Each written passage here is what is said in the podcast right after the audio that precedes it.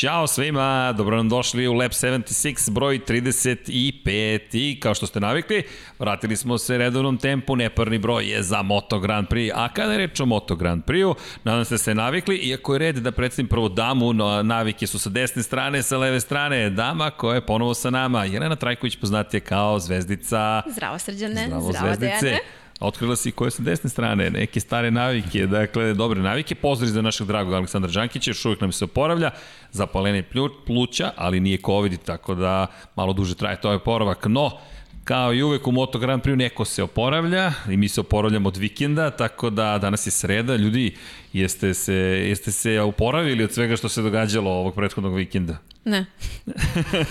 ne, čekaj. Ajmo Naporno sam... je. Šta ti je bilo naporno? Pa treći vikend, tre, tri trke. Mislim, koliko trka već? Koliko smo brojali trka sad prethodnog vikenda? Četiri? E, tri za redom kada je reč o Moto Grand Prix, ali, ali dobro, ali ukupno, Formula... Formula 1, Formula 2, Moto Grand Prix, Moto 2, Moto 3, NASCAR, to je šest trka i ne znam da li sam propustio još neko takmičenja, se zaista izvinjam. Pa bilo je 24 sam... časa Nürburgringa, tako da to... Između ostalog, 24 časa Le Mana 7 dana pre toga, Formula 1 malo nam je pružila pauze, ali smo imali Moto Grand Prix. Ali da, ali mislila sam više da je treća trka u tri vikenda, Jest. bila MotoGP-a, tako da onako malo se sad oporavljamo I pred Le Mans. trka. Dakle, da. za sve koje eventualno nisu pratili, topla preporuka, pronađite na sport klubu reprizu ili vratite unazad ukoliko ste u mogućnosti. Velika nagrada Katalonije iza nas i velika pobeda Fabija Kvartarara. Drugo mesto za Joana Mira, treći za Aleksa Rinsa. Čekaj, deki, šta su bile tvoje reči? Lapsu si se važi. Da, da, šta su bile tvoje reči da, na kraju prethodnog da, da, da. podcasta? Da, ja sam tipovao na, na Mira, ovaj, pa sam malo brzo opletao prvo rekao Rin, sve eto na kraju ispade. To je bila neka to, da, vizija. Da, da, da. Pa ne, generalno smo pričali ono kao Suzuki, mislili smo da će biti Ducati, a u stvari eto dva, dva Petronasa i jedan Nakagami su nam pokvarili, da njih nije bilo, pogodili bi se. da, da, da nije bilo ali Suzuki, svega Suzuki ovoga. generalno, ne možemo kažem iznenađenje, ali je jako lepo ovaj, što su uradili to što ali, su uradili. Čekaj, odlično smo prošli sa Ducatijem, najbolje plasirani Ducati peti, dakle, Granja fades to black, ugasi da. kamere i to je to. I ja se izvinjam, ali moram da iskoristim priliku. Ovaj kadar, ja mislim da nismo očekivali. Teki, ko je ovo ljudi? Jelena, ti nisi bila tu, ali da li si ti očekivala Yamaha da će da dominira praktično vikendom? Ne tako, ali malo sam očekivala, mislim, Ako hoćemo iskreno da kažemo, očekivala sam da će Rossi da bude na najvišem stepeniku pobedničkog postelja i bio je na dobrom putu, ali još jedna greška drugu nedlju zaredom. Da, ja, ja moram priznati da pre, prošle nedelje nisam pomislio da će Yamaha biti ovako moćni. Nisam, nije mi prošla kroz glavu ideja da će biti moćne. Ideja da mogu da se bore za plasman na pobedničko postolje, ok, pobeda malo teže, ali nije nemoguće. Mi na startu trke imamo Franka Morbidelli na pol poziciji, Fabio Quartarara na drugom mestu, Petronas Yamaha 1 i 2 i novog člana, da ne zaboravimo, to nismo saopštili prošle nedelje, ali potvrđenog Valentina Petronas. Petronasa, Valentina Rossi koji je potpisao ugovor za 2021 za Petronas. Tako je izgledao prvi startni red. Ko je to mogao da očekuje?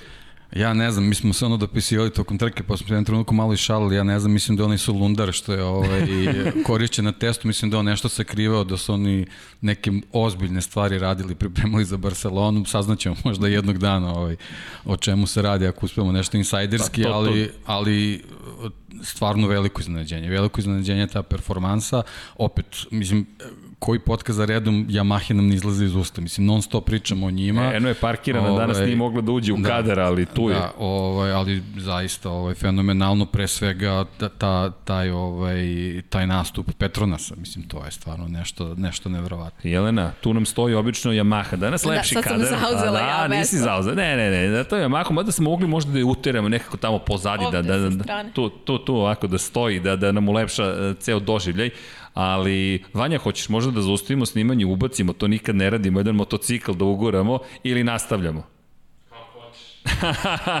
Odgovor je bio kako hoću.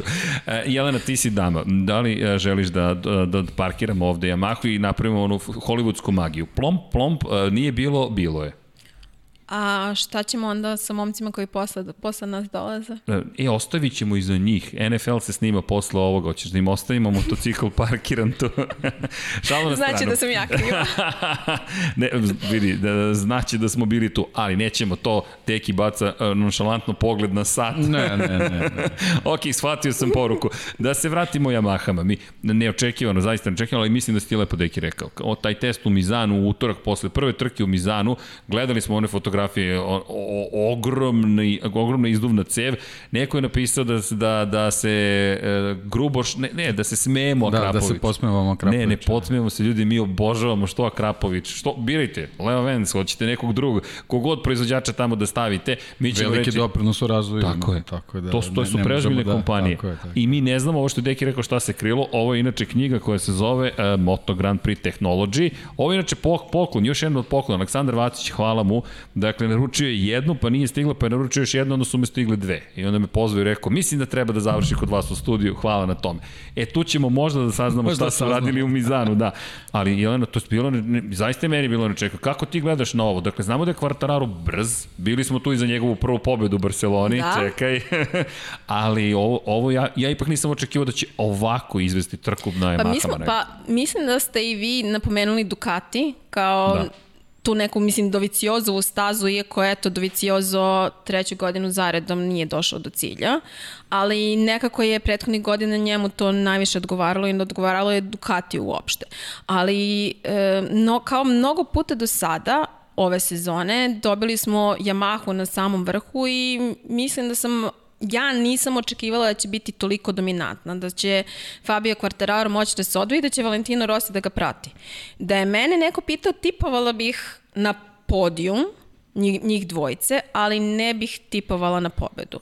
Sad, kvalifikacije su donele mnogo iznenađenja, činjenicu da je Doviciozo startovao tek sa 17. pozicije, Miller i Banjaje su bili mnogo bolji od njega, ali opet tu bih tipovala opet na Banjaju više nego što bih tipovala na Hvala Yamahu, ti. nego na Yamahu, ali e, Katalonija i to je velika nagrada Katalonije nam donosi mnogo iznenađenja. Čekaj, prošle godine, Deki, žao mi što nisam... Da li je neko palo... mogao da pretpostavi? Da, da, čekaj, ali šta smo imali prošle godine? Imamo eliminaciju Dakle, pet ljudi, ja se vraćam na to i žao mi što nismo isekli kadar. Mi smo nabrajali dve stvari. Šta se desilo prošle godine, dakle kako Jorge Lorenzo pada, povlači sa sobom Dovicioza, Rosija, Vinjalesa, dakle četiri kandidata za pobedu, da li sam nekog zaborio, nisam, i Marquez peti koji odlazi svojim putem. Kao i obično.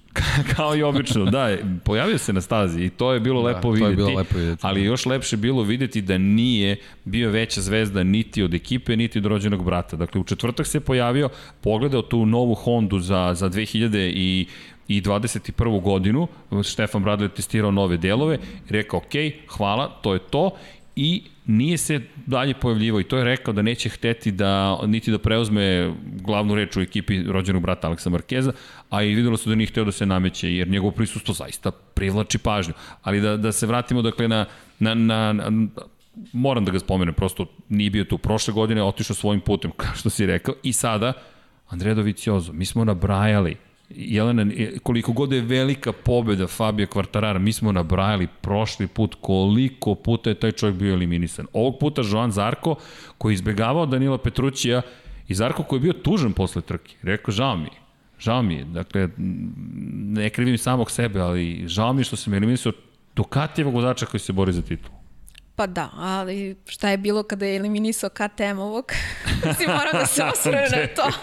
Vrati smo se mi u Tad mu nije bilo žao. Ali nije ga eliminisao. Pole Spargaro pa, je zatvorio ta vrata. Dobro, ali nije... Nema vozača koji je da kažemo da je, da je Dobro, ali um, mnogo puta je Zarko eliminisao nekoga Jest. i mislim da je ovo prvi put da je rekao da mu je baš istinski žao. Ali ovog puta nije imao mnogo toga ali, da uradi. Jasno, ali uh, ako ćemo iskreno, uh, Dovicioza je mnogo puta eliminisao timski kolega, mnogo puta ga je uh, eliminisao uh, vozač na motoru Ducatija ili isto motoru koji on vozi. Mnogo puta su ga eliminisali i drugi, ali ovde mislim da je glavni problem bio to što je on imao užasne kvalifikacije, što je bio 17. i sam sebe doveo u tu poziciju, jer da je startovo iz prvog, drugog, trećeg reda, ne bi. Izbegao A to je ono što stalno pričamo, to- prva tri reda su ključna. Ti ako Da. si na tim pozicijama, ti ne moraš rano da kočiš, ne moraš da izbegavaš druge vozače, ne moraš da ustaješ, a na, a na ovoj stazi je jako bitno u prvih nekoliko krivina da imaš dobar start. Ti sa 17. pozicije, bez obzira koliko on napredovao, tu mnogo, mnogo situacija ima gde može da se desi da ti izgubiš ritam, a to smo videli sa Vinjalesom. Vinjales da je imao bolji start, verovatno bi se priključio ovim Yamahama u, u, u, u nekoj, nekoj boljoj priči, ovako i on se zaglavio pozadi i tu jednostavno na ovoj stazi nema napretka. Devet je prošao kroz stilj zato što se trka tako razvi- razvijela pa su neki drugi ostajali, malo su potrošili više gume pa je nekako napredao, ali činjenica da je on bio ispod desete pozicije tokom čitave trke. Jeste. Jeste. To je, to je taj, taj veliki problem i to je bio taj problem sa Doviciozom ili jednostavno desila se situacija, u stvari to je bila ta lančana reakcija koja se dešava kad si pozadi. Uh, Espargaro je pogrešio, Jeste, Pole- ovaj, Pol je prvi tako pogrešio, tako pa je, Petrući je pokušao da ne udari prednjim je. točkom u njegovoj zadnji i onda se Zarko izdešavalo koji Zarko koji koči, obara, pada, se. tako je. Odlazi desno. A Tako desno je. je. ono što si Jelena ti rekla, čovek koji sa 17. mesta pokušao da koji je spasi. sjajno, ura- mislim, on je uradio, on je, on je izabrao putanju da se sklonio od svih tih nedaća, ali jednostavno fizici ne možeš da pobegneš. Nemaš gde, jednostavno, nemaš gde. je. Ali pazi, kada Tako je. pogledaš i dalje je neverovatno. Pri tom, Slažem izvini, se. to je, to je motostaza, znači šljunak je, nema izletnih zona od asfalta, ne možeš da spasiš motocikla, po, podigneš gotovo, to je A i da- jednostavno kraj trke. Ajde da ga podigneš u Moto Grand Prix je već, sada. već je, oni su već u šesti Ti- krivini dok je, je ti ti si podigneš. na to je- začelju, to tu je, nema je. spašavanja. Posebno na toj stazi. A, a, a vraćamo se na broj njegovih incidenata. I ovo što si ti rekla jeste zapravo suština. Ne možeš da budeš 17. Dakle, ne možeš da budeš 17. Boriš se za titul. O, o tome tek... U tom trenutku si da vodeći u kažemo? generalnom plasmanu. Da. Meni je najviše zasmetalo gledajući treninge i kvalifikacije njegova radno, radnodušnost u izrazu lica. Znači, svi sedaju uh, ili su besni, ili su zadovoljni, ili su tužni, ili su ovakvi, onakvi. Andreja Doviciozo seda i kao da mu je potpuno sve jedno. To, to mi sve smeta od, od početka sezone ove, a jednostavno eto kako se gleda, možda ja sad suviše posmatram ovaj, te kadrove gde se on pojavljuje, jednostavno ja, ja ne vidim nikak, nikakvu žar, nikakav žar i nikakvu želju da se tu nešto promeni. Pa Mislim da ne posmatraš, svi to gledamo, gledamo tu, tu, tu nekako želju vozača. Iskreno, Andrea Doviciozo i Maverick Vinales trenutno kako stoje stvari jesu meni, makar najveće razočaranje. S jedne strane Doviciozo koji je ravan, kao što si rekao, i koji stalno ponavlja, moramo korak napred, moramo korak... Dobro, kada? Ovo je osma trka, pred nama je Ne samo, samo šest kada, trka. ovo, je- ovo je bila trka, to smo već spomenjali. Kad ćeš, ako nećeš u Barceloni? Da, ali on je bukvalno ni kriv ni dužan bio vodeći u generalnom plasmanu sad pred veliko nagradu Katalonije. Mislim, da Pa njega dobro, pitamo... tako se, da, tako se razvija da sezona. njega da. pitamo kako, ni on ne zna odgovor. Mislim, on se smeje Verovatno, svaki put na konferenciji je, za štampu pred trku, zato što mo, je obavezan da se pojavi tu i on Ali sedi čekaj, i on je smeje sam se. rekao, meni je smešno da ja vodim u prvenstvu sveta. Upravo to. Ali, znaš šta je tu meni problem? Ajde što si ti konstatovao da je smešno i da je to čudno. I nama je smešno da budeš sedmi i osmi u prethodne dve trke i da preuzmeš vođstvo i ne samo preuzmeš, nego ti čak povećaš vođstvo u šampionatu e, u momentu kada bi ti trebalo zapravo da nestaneš sa radara. Ne, on povećava čak kako je to, to je nemoguća misija, ali on je to uspeo. No, Ali niko se ne bi začudio da se desilo da on ni kriv ni dužan bude vodeći posle ove trke sad. sada, Samo što je on trebao da preduzme neki, Ali neki on je korak morao- koji nije uradio u kvalifikaciji. Da. Tako je, ali to, što hoću baš da kažem, ti smeješ se, ok, u redu, smešno je da se ovo dešava. Kako ćeš da iskoristiš ovu priliku? Nikako. Bukvalno nikako, jer ja ne mogu da nađem opravdanje u tome, ok, ja imam problem. Da, ne možeš da samo konstatuješ problem. Dakle, Jack Miller nešto izvuko iz tog Ducatija. Francesco Bonja, ja sam tipao da će biti njegova staza, ok, malo, dobro. malo veća greška, ali, ej da, danas, da ne zaboravimo, potvrđeno da prelazi u fabrički Ducati. Dobro, to možemo kad, kad Ne, ne, znam, izanaliziramo znam, ali ti znaš, Ne, ne, ne, znaš ovo je, mene, ovo je ja- jako bitno. Ja ovaj, volim da, jeste, da, da jeste, dodam. Jako važna stvar. Ali jeste važna Jako stvar. važna stvar, ali da. Banja je sada dobio, za nastavak to ćemo pričati, ali ljudi, dobio je produženje, do, nije produženje, dobio je potvrdu Ne da je samo on to, od fabrički Banjaje si mogao posle ove trke svašta da čuješ. Znači, ču, e, čuli smo da imao problema sa zadnjom gumom, koja očigledno svi imaju problema s njom zbog te neke nove konstrukcije i tako dalje. Pričao je kako, kako se rvao kada, kada koči e, zadnjim točkom, koliko ima problema, koliko mu je bežao motocikl, kako je morao da nauči, bukvalno da nauči u petak prepodne kako više da koristi prednju kočnicu da, da bi mogao da bi mogao bolje da upravlja motociklom sve od Dovicioza Ali A, Banjaja se prilagođava, kao što Jeste, on kaže, hoću ti kažem koliko, koliko on razmišlja o tome, koliko i nama prenosi te informacije, znači njemu je puna glava nekih sitnih detalja koje pokušava da, da primeni, pa mu nešto izleti pa nam kaže. Od Dovicioza jednostavno ništa ne možete da čujete. A- Ali vidi, Dovi, Dovi je pričao, u petak je Doviciozo govorio o toj zadnjoj gumi. Baš je govorio o tome Pa koliko... svi, svi nju spominju. problem. Mislim, Da, ali, je- ali, da. ali kod njega je bio problem, e, kod njega je veći bio problem, e, ali dva problema su se desila. Kod Ducatija zadnja guma je problematična, da, nova konstrukcija, ali više ne možemo pričamo o novoj konstrukciji. Ovo je sada osma trka ove sezone. Završili smo predsezonske testove, međusezonske testove, osam trka su odvezli u kratkom vremenskom periodu, to više nije nova guma. U svetu Moto Grand Prix to Tako više je. nije nova guma. I onda dolazi problem sa novom gumom, sad nova, nova, ne nova konstrukcija, dakle sveža guma, kada je stavi pozadi, on ne može da postigne te rezultate. To mu je najveći problem u kvalifikacijama i to je rekao. A veliki problem, uh, specifični vremenski uslovi u Barceloni Jeste. za ovo doba godine u, u A- periodu kad oni inače nisu vozili. I to mi je druga stavka, dakle da. Da. ti imaš sa prednjom gumom sada problem, sa tom levom stranom, što je zapravo Rossi izbacilo iz trke. Da. Da. Ali, ali bih se samo za, na trenutak zadržao na, na Banjaji. Dakle, dobio ugovor, to je velika stvar, velika potvrda, inače zanimljivo, ljudi, ja, ja se izvinjam, ali ja, vi znate, ja volim te skokove. Rossi koji je dobio ugovor, dakle, sa Petronasom potpisao, što kaže Lin Jarvis, šef Yamahe, inače ugovor je sa Yamahom, pa onda sa da, Yamahe sa, Sa Petronasom. 17 minuta pre saopštenja za javnost su potpisali ugovor, to je velika stvar, Valentino Rossi I gde se rečenica završava da je taj tim full support. Da, što se full tiče support. Yamahe. Znači, to je praktično fabrički tim Yamahe. Znaš ko je izgubio? Znaš koja je ironija? Ko je izgubio najviše? Franco Morbidelli. Mi ne pričamo više o tome. Morbidelli i ove sezone ima najslabiju Yamahu. I zbog toga je i izgubio toliko vremena, on je sam rekao sad. Rekao je posle trke, on jeste. je zato izgubio podijum e, na Kataluniji. Ali Rossi bio je, bila je konferencija za štampu u subotu posle kvalifikacija su Jeste. Rossi i Jarvis imali posebnu konferenciju i baš je bilo pitanje da li će biti to full supported. Šta to znači po pitanju delova? Oni su, e, Jarvis je tu pojasnio da Rossi možda neće dobijati tom brzinom e, nove delove Da. kao fabrički vozači, ali će se truditi da to bude što, u pre moguće. što pre. Da objasnimo za one koji eventualno ne znaju. To smo pričali prošli put, da. fabrički i privatni tim. I proizvodnja delova, o tome nismo pričali. Evo, ovde imate zupčanike iz menjača Williamsa. Bukvalno, ovo su zupčanici koji su iz menjača Williamsa. Vanja, znaš šta smo zaboravili da uradimo? A to, to moramo da ispravimo. Možeš li da nam dodaš točak, molim te? Točak smo zaboravili, to je, to je sramota, dakle, za mene. Ali, Ali ispravit ćeš grešku, Ispravit ću ajde. odmah, da. Nema veze što je Formula 1. Ovde ćemo da ga stavimo. E, ovo je Vanja, videli ste ga juče u podcastu. Ko nije gledao, neka pogleda. Hvala, Vanja. E, stavit ćemo ga sada, pošto nije planirano. Ljudi, e, stavit ćemo ga ovde. Malo je veće. Deki, ne smeta. Ja se Ne, ne, nadam ne. da je Samo pazite da ne padne.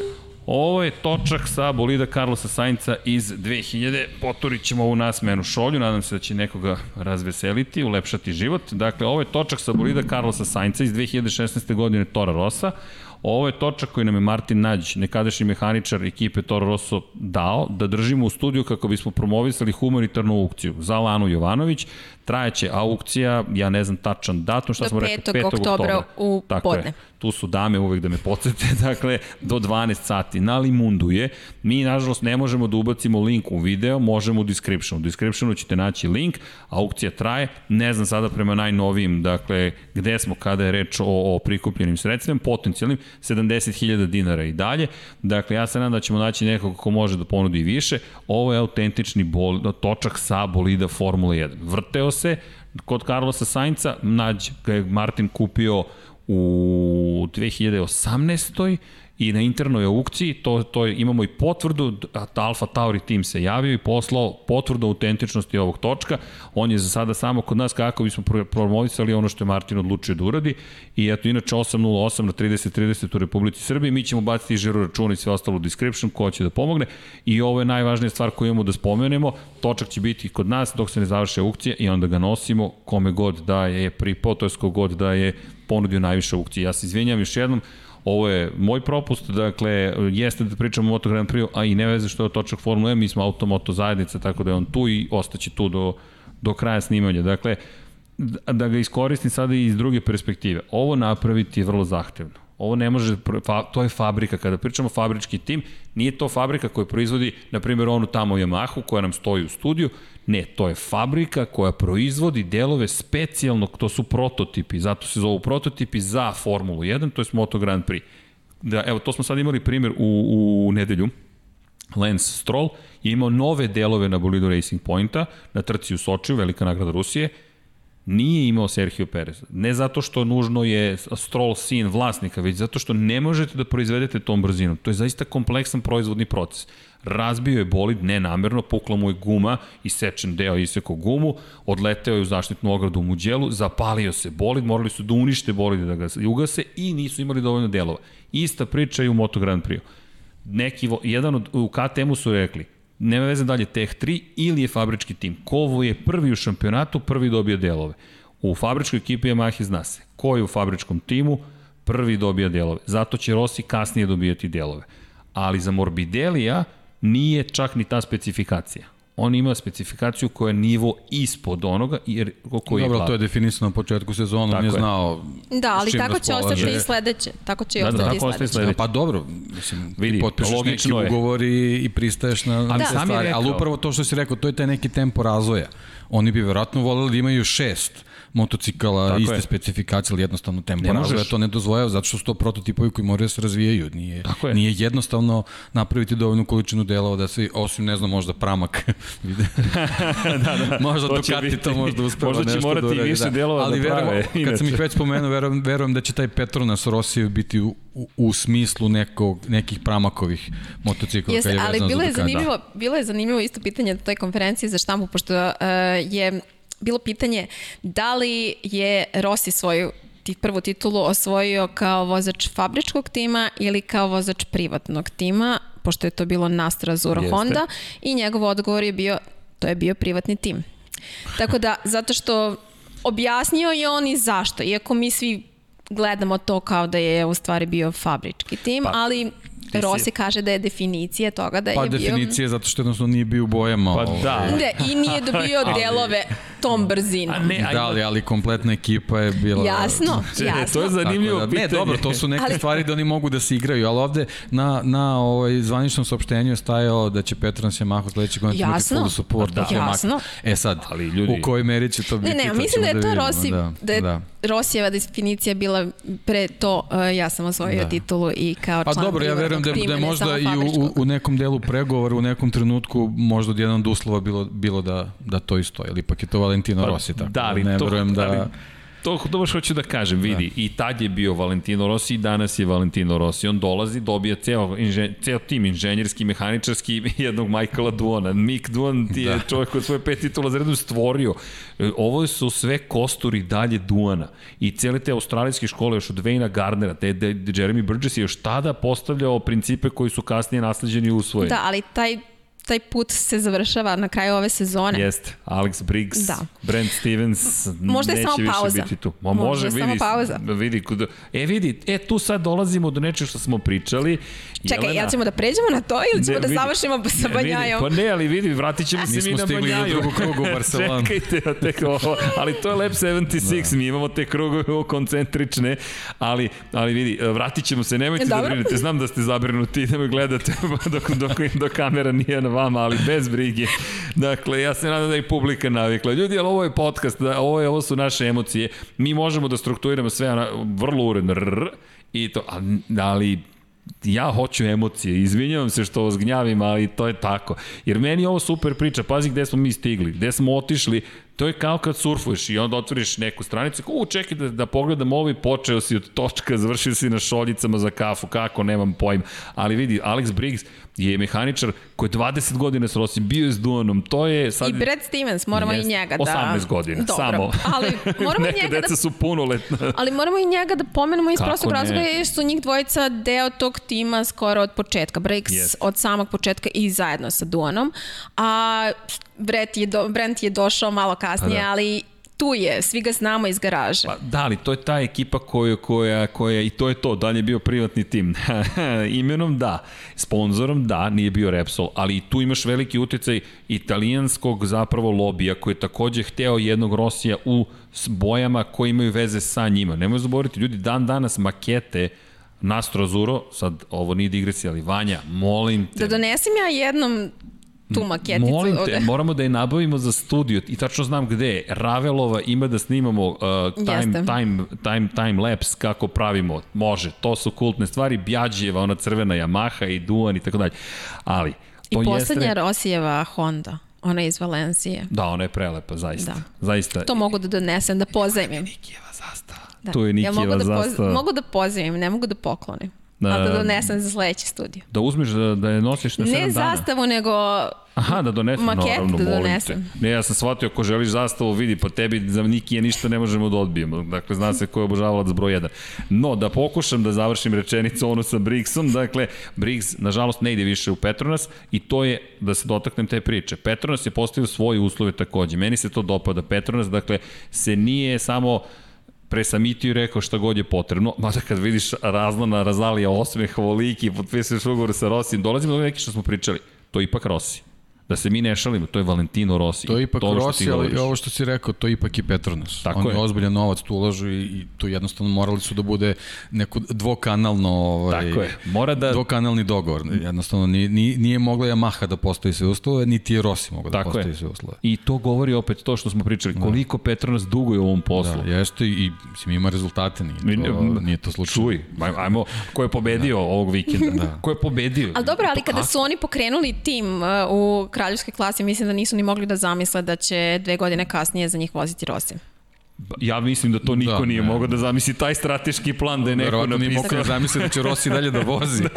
Da, da. Prvo to, a kamo... To Rossi uporno Kao- ponavlja svakog vikenda. E, vidi, ali ja mislim da, da, da sve više, se sve više prihvatam tu teoriju do 46. Znaš, pa, na ovo ili Zašto, onaj način. zašto taj Samo. broj? Da, zašto taj broj? Zašto taj broj? Samo, samo do 46. To znači ćemo mi da snijemo do 76. Da. da. A, da. Samo. Jelena imaš još mnogo vremena, mi malo manje, da. ali ovaj deo ovde, aj dobro. Znači ja nastavljam kad vi završite. Vidi, preuzimaš ti ranije ako treba, nije nikakav da. problem, ali vidi, ja vidim ovde jedan broj 46, vidim 21, ali ne Imamo vidim. svašta. Čekaj, čekaj, 76, Nemam. Pa ja mislim moraš da da mora da, ispraviš stigne nalepnica da se, da se dotaknemo, ne dotaknemo, to je velika priča, ali paralele se prave. Dakle, Fabio Quartararo je u privatnom timu, ali je dobio puno podršku Yamahe, dobio i ugovor Yamahe na početku godine. To što je Rossi rekao, kada me Jarvis pozvao u februaru i rekao treba da svratim do tebe, rekao o, o, ovo nisu dobre vesti. I nije mu dao dobre vesti, ali je Rossi rekao, zahtevam od tebe da mi daš fabričku Yamahu. I to naravno da će Yamaha da da, ne samo zato što je to Rossi, već zato što je to, da, Rossi i posle svoje karijere, a to će tek biti zanimljivo, ali to ćemo ostaviti za kraj. Suzuki ili Yamaha u, u satelitskom timu, mada smo to već spomenuli pre nego što su globalni mediji to prihvatili. Slušaju, slušaju. Dakle, pojenta je da će Rossi sigurno dobiti ogromnu podršku, možda će malo kaskati sa razvojem, ali mislim da čak to nije loše i, i kada govorimo o tome da je bio privatni tim, Rossi taj deo priče e, lepo je rekao, međutim zna se iz njegove autobiografije, iz ranijih priča njegovih, to je bio fabrički tim zašto? Nisu mu dozvoljavali zapravo da podesi motocikl te 2000-te kako je on želeo. On zvuči poznato ta priča. Ove godine su mu dozvolili, to je bila Honda, sad Yamaha. E sad Quartararo, prošle godine isto nije imao dozvolu da radi baš šta je hteo, ove godine ima, rezultati su bolji. I ajmo da se vratimo, da se dotaknemo Quartararo. Ljudi, ono je bila super brza trka. Ono što je Quartararo odvezao je ono što smo očekivali posle Hereza. Ja i dalje nisam ubeđen da će ovo biti svaka trka za Quartarara. Previše mi dalje Misliš podsjeća. samo španski će biti. Pa, to je jedna teorija. To je jedna teorija. Tamo je osvajao Ali on je, titule. po, da, ali on je pobeđivao samo u karijeri na dve staze.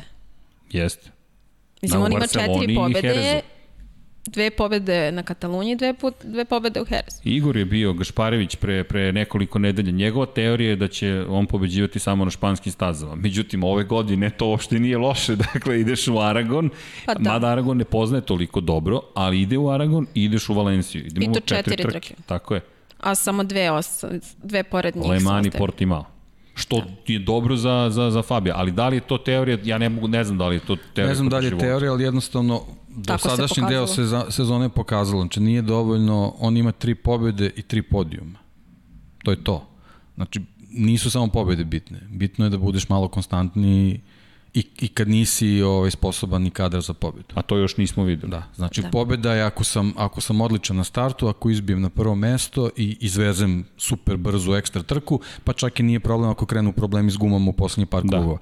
A, Zbog toga mi je krivo što Rossi nije nije ostao na stazi, živo me zanima kako bi se ta trka završila, pošto znamo kako Rossi mnogo bolje radi taj management guma i koliko je bio raspoložen. Videli, videli smo konačno ono što sam ja spomenuo i ranije, na ovoj trci se videlo da je u stanju da taj motocikl vozi do maksimuma, ali da mu nije toliki napor. Na svim prethodnim trkama je imao veliki napor da, da vozi da. taj motocikl na maksimumu i, i, i jedva sam čekao taj, taj, to je neki finiš trke, nažalost. Ne, se nismo da se- stigli do toga, ali ovaj, znači Quartararo mora malo više da uradi, osim što su pobede. Mislim, zvuči onako čudno, ali, ali je tako. Da, jer on dobro vozi i tokom treninga, dobro vozi i tokom kvalifikacija, ali u trci vrlo često nestane, kao što je bio slučaj prethodnih nedelja do Barcelone. A što se tiče Rosija, videlo se da mu prija, videlo se potpuno drugačije je meni izgledao ovog vikenda nego svih prethodnih, iako je u Mizanu bio veoma dobar i eto, i, ostao je e, bez podijuma poš, pošto ga je mir e, preteko, ali napravio je drugu nelju zaredom. Ja ne mogu da, se- mislim, prošle godine je imao ta tri odustajanja e, tri trke u nizu. Ove godine je napravio dve greške na dve Jeste, trke nego gde je jedina- stvarno mogao da bude i Jedino na to što, što sam ja, o, o, ka, moj utisak je razlika između ta dva pada što je prošli put i sve nekako bilo na silu Jeste. Mizanu. Ovo je, ovo je bilo tečno i ovo je, ovo je samo bio neki trenutak nepažnje gde on jednostavno poželao da, da drži kontakt sa kvartararom, što, što je bilo nemoguće u, u zadnjih nekoliko trka. Meni je to što, To- kako to se on, razlika, meni kako da. se on poneo u Barceloni, mene je podsjetio na neke od svojih najboljih dana, zato što je jurio, nije hteo podijum, on je hteo pobedu tu. On je napravio grešku to, u upravo toj to. poteri za pobedom. Nije... Mislim, to je, to je pozitivna stvar iz svega. Upravo to. Jedino, eto, žao mi je što nismo uspeli da dočekamo taj finiš trke da vidimo kako bi, Da, i meni kako bi se on izborio sa Quartararom, da li uopšte imamo priliku da to uradi. I meni je super to što sad ide Le Mans. Jer uh, mislim da on u Le Mansu može da napravi, mislim da nastavi tu gde je stao uh, u Barceloni. Iako uslovi će biti problematični, ali uslovi u Le Mansu su uvek problematični. Pa da, ono što je, pro, ajde da, da, da, da, da, da nastavim tu da si stala. Karl Kračov rekao, ljudi, prognoza kaže minus jedan u jednom trenutku Sneg. će biti u Le Manu. Sneg, mi imamo, ali to smo, se, to smo znali da nas čeka. Le Mans u oktobru, to, to je nevolja, piše, čudno piše Le Manu, voda, Le Mans. mislim, ja sam bila u Le Manu u julu mesecu i smenjala su se četiri godišnje doba uh, u sred jula. Standardno, 24 časa Le Mana spominjali smo. Da, ja sam, ja sam bio u jakni uveče na, na 24, mislim uveče, znači pet popodne, već negde šest, već, mesec. već si bez problema da. u jakni. To je prosto Da, tako. ja tako sam je u sred podneblje. jula da. tako bila. Da. Ja još nisam bio, ali eto, nadam se da... Idemo svi zajedno. Idemo O, zajedno, da, pa pa, da. da, pa naravno, i- ali moramo da odemo i na trku MotoGP-a i na 24 časa Le Mana. Ja mislim to je jedini A pravi molim način. te, imamo tri trke na koje moramo da idemo u Le Manu, moramo i na motore Dobro, 24 dva, sata. može, može, može. E, ali znaš šta bih ja još više voleo? Boldor, Manjikur Da. bih voleo sa motorima. Meni je to san od uvek. Dakle, Manjikur generalno, iako je tamo negde daleko od A urbane čekaj, populacije. zar nisu prebacili Boldor na, na Jesu, Paul ali, Ricard? a, da, ali ja bih voleo na Manjikuru. Znam, znam. Paul Ricard je okej staza, ali meni je Manjikur san, ne znam, možda zato što smo odrasli u tom periodu kad se Manjikur pojavio. Jeste, mislim da bismo mogli, ali moraju prvo da vrate. Dobro, svako slučaj idemo u Francusku, koliko ja vidim da je na turneja po Francuskoj Može. i, a i da se vratimo Nije na Francuze. Da, nije nedostižno. Nije nedostižno. Ali par stvari ste spomenuli. E, Ajmo Quartararo. Quartararo, da, još uvek nije dobi, još uvijek ne znamo da li je Quartararo najzad počeo da, da radi ono što smo očekivali posle Hereza. I dalje sam skeptičan, stojim pre onome što sam rekao na početku sezone, pre početka sezone, mislim da nije nivo Marka Markeza, da mu je za to potrebna pobeda, to je štiklirano. Sada mora konstantno to da radi. Evo, baš smo komentarisali nešto kako se rađaju šampioni. Gledamo i u poslovima raznim, i u motociklizmu, i u futbolu, čemu god.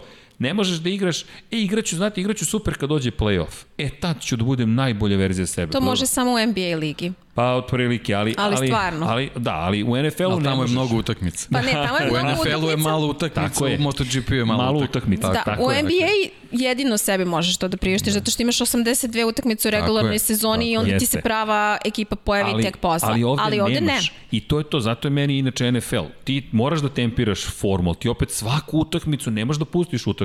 Ti ne znaš da li si zbog toga izgubio prednost domaćeg terena u I u velikom si problemu ako dođe do i lakše povrede Misliš, ključnog pita i igrača. New England. Tako je. Pita i New England prošle sezone. ne, vidite, ja sad nisam ja to uvodio, ali evo imamo ovde predstavnicu New England, o, izvinite, sport kluba. da, čekaj, za koga sad navijaš? Za New England. Dobro, dobro, šta samo, je- samo alu, aluzija. aluzija je bila jasna, ali okej. Slušaj, ja nikad nisam navijela za Patriotse zbog Toma Brady-a, tako da neću ni sad nastaviti, nastaviti da pratim njega. Poštujem, samo pitam, ništa drugo. Zna se ko je moj favorit. Cam Newton sada. Julian Edelman i dalje. Čekaj, ovde imaš potvrdu tamo sa leve strane, dakle, da ne imenujemo, ali dobro, imaš apsolutnu potvrdu. Dakle, kaže zašto, nemam pojma, ali eto, Julian Edelman. U svakom slučaju, dakle, kada govorimo o, o trkama, Kvartararo mora iz trke u trku, iz trke u trku, iz trke u trku. Ima jedna osoba samo koju ja trenutno vidim da to radi, zove se John Mir. Do, dotaći Misliš, on to malo se. i bolje radi. Tako je. I ti ja imamo anegdotu o tome, o tome njoj često pričam. Apsolutno. Dotaći ćemo se još jednom. Hoću da Kvartararo ipak, evo, do, da, da ipak završim Slobodno. nešto. Kvartararo, dakle, to nedostaje. Da ne ponavljam ono što ste već rekli, vidjet ćemo. Ide u Francusku, ja mislim da će ogroman pritisak biti na njemu u Francusku i da uopšte mu neće biti lako zato što ide u Francusku. Setimo se prethodnog Francuza koji je došao tako na krilima slave, dolazimo, bit će Marseljeza u Francuskoj i pada. Nismo je slušali još zbog njega. Tako je. Poslednji koji je omogućio Marseljezu u Francuskoj na motoru je bio Louis Rossi u Moto3 kategoriji i to se i dan danas pamti. Louis Rossi koji je sada stručni konsultant za francuske medije. Vidjet ćemo. Ja sam skeptičan da će mu uopšte biti lako, ali ako je nešto pozitivno za njega, a samim tim posredno i za Rossija, to je što idu u hladnije predele, Yamahi prijaju niže temperature. To smo sada dobili kao potvrdu. To se dešavalo prethodnih godina. Trening 1, trening 3, Yamahi su stalno tu, dođe popodnevni trening, zadnja guma se topi i proklizava. Ove godine se topio Jerez, funkcionisali, funkcionisali po hladnom vremenu. Mislim da je to jedan od detalja koji je pomogao Yamahi i ono što si rekao, šta su radili u Mizanu, nemam predstavu, ali ljudi, još jedna pobeda u osam trka, pet pobeda Yamahi. I Rossi, moj tip pre nego što je pala kiša noć pre trke je bio Rossi. Kada Jeste. pogledaš tempo, Rossi, Rossi, Rossi, Rossi, Rossi, non stop. U kvalifikacijama prolazi direktno u Q2, ok, treće kvalifikacijama i ono je bila ljuta trka. Ko je bio u Barceloni, bili smo svo troje. Znamo koliko je ta staza. Na pun gas je na nizbrdici već. Ti si već na nizbrdici, ti kočiš, prednji točak, neminovno će se zadnji podići kod motocikala, ulaziš u tu prvu i onda tu odsudnu desnu uh, krivinu u levo za Rosija, I tu vidiš već kako se ponašaju, ljuto je vozio, mnogo dobro vozio Fabio Quartararo. Zaista skidan kapu, možeš, to mi je lepota Barcelone, na motoru vidiš koliko je to tamo sve ljuto, 350 na sat i Rosijeva greška, to ono deki što ti napravio uvod, krivine u levo. To, ja mislim da sam se ponovio previše puta, ali nisam mogao da se ne ponovim. Ti čas, Pa i oni su ponavljali. Tako je. Svi su ponavljali to. Samo tak, te krivine u levo. Osam krivina u desno, šest u levo i to često pričamo o konstrukciji gume. Dakle, guma kod motora, često se kaže tvrđa je desna. Ne, nije tvrđa desna. Mekša je leva strana gume. Ranijih godina, tamo do 2015. do asimetričnih guma, imao si tu tvrdoću i biro si je po onome što će biti veće opterećenje. Pa ko izdrži na onom levoj strani? I onda su uveli u Bridgestonu rekli ajmo asimetrična guma, mekša je zato što treba da zadrži temperaturu, ali ti ne možeš. Poslednja krivina u levo je 10 i onda ideš, ne, 11 zapravo, onda ideš 12 13 14 Sve pravac. desno. Prva i onda dođe ta druga krivina. I to je kraj. To je kraj. I me, a, apropo Rosija, evo drinking game, nisi i Vanju sam spomenuo da, da se hidriramo, dakle preporuka. Da, evo. Pijte vodu, ljudi. Dakle, juče je bio Drinking Game, ceo podcast Vanja je bio gost u Formuli 1. Jelena, ti znaš kad dolaziš? Znam. Kada? Nemoj, nemoj. Da ne govorim. Nećemo, nećemo. Možete da naslutite šta treba da se desi kada će Jelena doći u Formulu 1, ali dobro. Mislim da se nekom pita više od mene. Mislim da se neko pita više trenutno, nikako će se desi taj moment. Pošto nikako, samo jedan Samo jedna trka Još je dve? bila, ne, ne, nego jedna trka je bila A između. dobro, vidi, to je već planirano. Pa zar si sumnjala ko će doći kad se to desi? A, Ne, ne, nego ti kažem da samo jednu priliku je imao, pa je propustio. I, e, dobro, ali ako se vratiš u Moncu, i tu smo mogli da dodamo A, još dobro, sad, sad jednu... bi ti na svakoj trci. Pa to je bio plan i Italijana, pustili su kadar da je 90. pobjeda pala. No, da se dakle vratimo ove priče o Rosiju. M, Utiska se zaista da nije pala ta kiša uveče, da, da, da gotovo sigurno bi došao do pobede i slažem se deki i meni je tako žao. Ne nužno ko bi pobedio, nego što nismo videli šta bi se desilo. Mislim da smo propustili jednu od većih drama u Moto Grand Prix iz dva razloga. Ne samo što mislim da bi Rossi bio uz Kvartarara, već mislim da bi ih to koštalo vremena i da bismo imali i mira u celoj toj bici. Pa Suzuki su jednostavno bili su više daleko. Da, ali To je- kada krećeš u Nedostao duel... im je jedan krug, možda dva. To su i rekli, da. krug, krug za mira, ali zamisli sad Rossi koji napada Vinjalesa, to te sigurno košta. Vinja, ne, oprosti, Vinjalesa, dotaći ćemo se Vinjalesa, nije bio ni blizu te priče, Kvartarara, Kvartarara eventualno uzvraća i eto ti ga mir. A dobro, potpuna a. Rins, A, e, ok, čekaj, Ne, sad imamo problem, mislim, vi svi kažu i oni kažu da im je falio jedan krug. A taj jedan krug im ne bi bio potreban Pa da ne, su dobro, bili bolji u hipotetički, kvalifikacijama. Da, da, ali, Da, da. Opet, ali, ali znaš- jednostavno oni nisu u kvalifikaciji imali gde da se smeste. Znam. To je bio, te Yamahe su bile fenomenalne. Fenomenalne. Znam, ali... Da. ljudi, i Pri tom Rins, naravno, izvinjavam se, trebamo skinuti kapu čovjek sa 13. mesta, još uvek nedovoljno oporavljen. tako on je, on je, on je ciljao podijum. On je ciljao podijel. on kaže šta, šta ti je važnije od, od, od, od, od vožnje u trci nego da, da pobediš klubsku kolegu. Da. To je njemu prva stvar o Da. kojoj razmišlja, posle priča o drugim, drugim temama. još Ali nije super su bili posle trke, moram samo Jesu, ovaj, jesu. baš Bili onako, baš onako kolegijalno i, i, i timski sve izgledalo fenomenalno. Pričali smo ti ja prošli put, njih dvojica ne razgovaraju. Dakle, Pa, ovog odnosi su puta su razgovarali hladni. baš. Tako je. Pazi, prvi put od 2007. Chrisa Vermulena i Johna Hopkinsa Suzuki ima dva 13 vozača na pobedničkom postoju.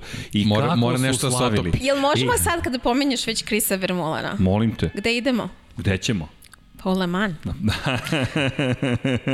ja tipujem na pobedu Suzuki-a. Ok, čekaj, čekaj. Za one koji ne znaju, 2007. godine Chris Vermulen po jednoj laganoj kišici, neočekivano za Le Mans, je doneo Suzuki, Rizla Suzuki, čuveni Rizla Suzuki, doneo pobedu.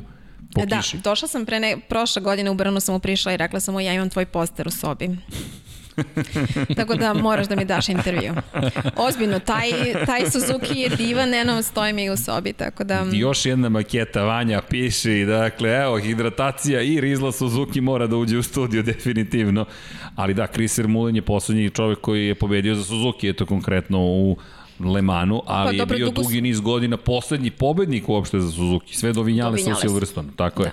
I to je pobeda koja se pamtila. A pazi, meni šta je u glavi, u, u jednom momentu Chris Vermeulen vodi na Suzukiju, na Kawasakiju Randy Dapunije je drugi Francuz na Kawasakiju i treći je Silvan Gintoli na žutoj Tech 3 Dunlop Yamahi. Pazi, imamo Michelin, ne imamo dva Bridgestona i Dunlop na vodeće tri pozicije u eri Michelina. Tek je posle Bridgestone preuzeo glavnu To je stvar. bila luda trka, stvarno. Jeste. Tako da ja očekujem neke slične uslove i ovoga puta. Mog tato izvini, zvao i njegov prijatelj je rekao, svaka trka ovako, ja ću da gledam motociklizam ako je to ovako. Pa ja mislim to je jedna od, od trka gde Mene mnogo, pitaju mnogo za- ljudi su počeli da Da, mene pitaju za veliku nagradu Holandije, onu najluđu trku poslednjih godina.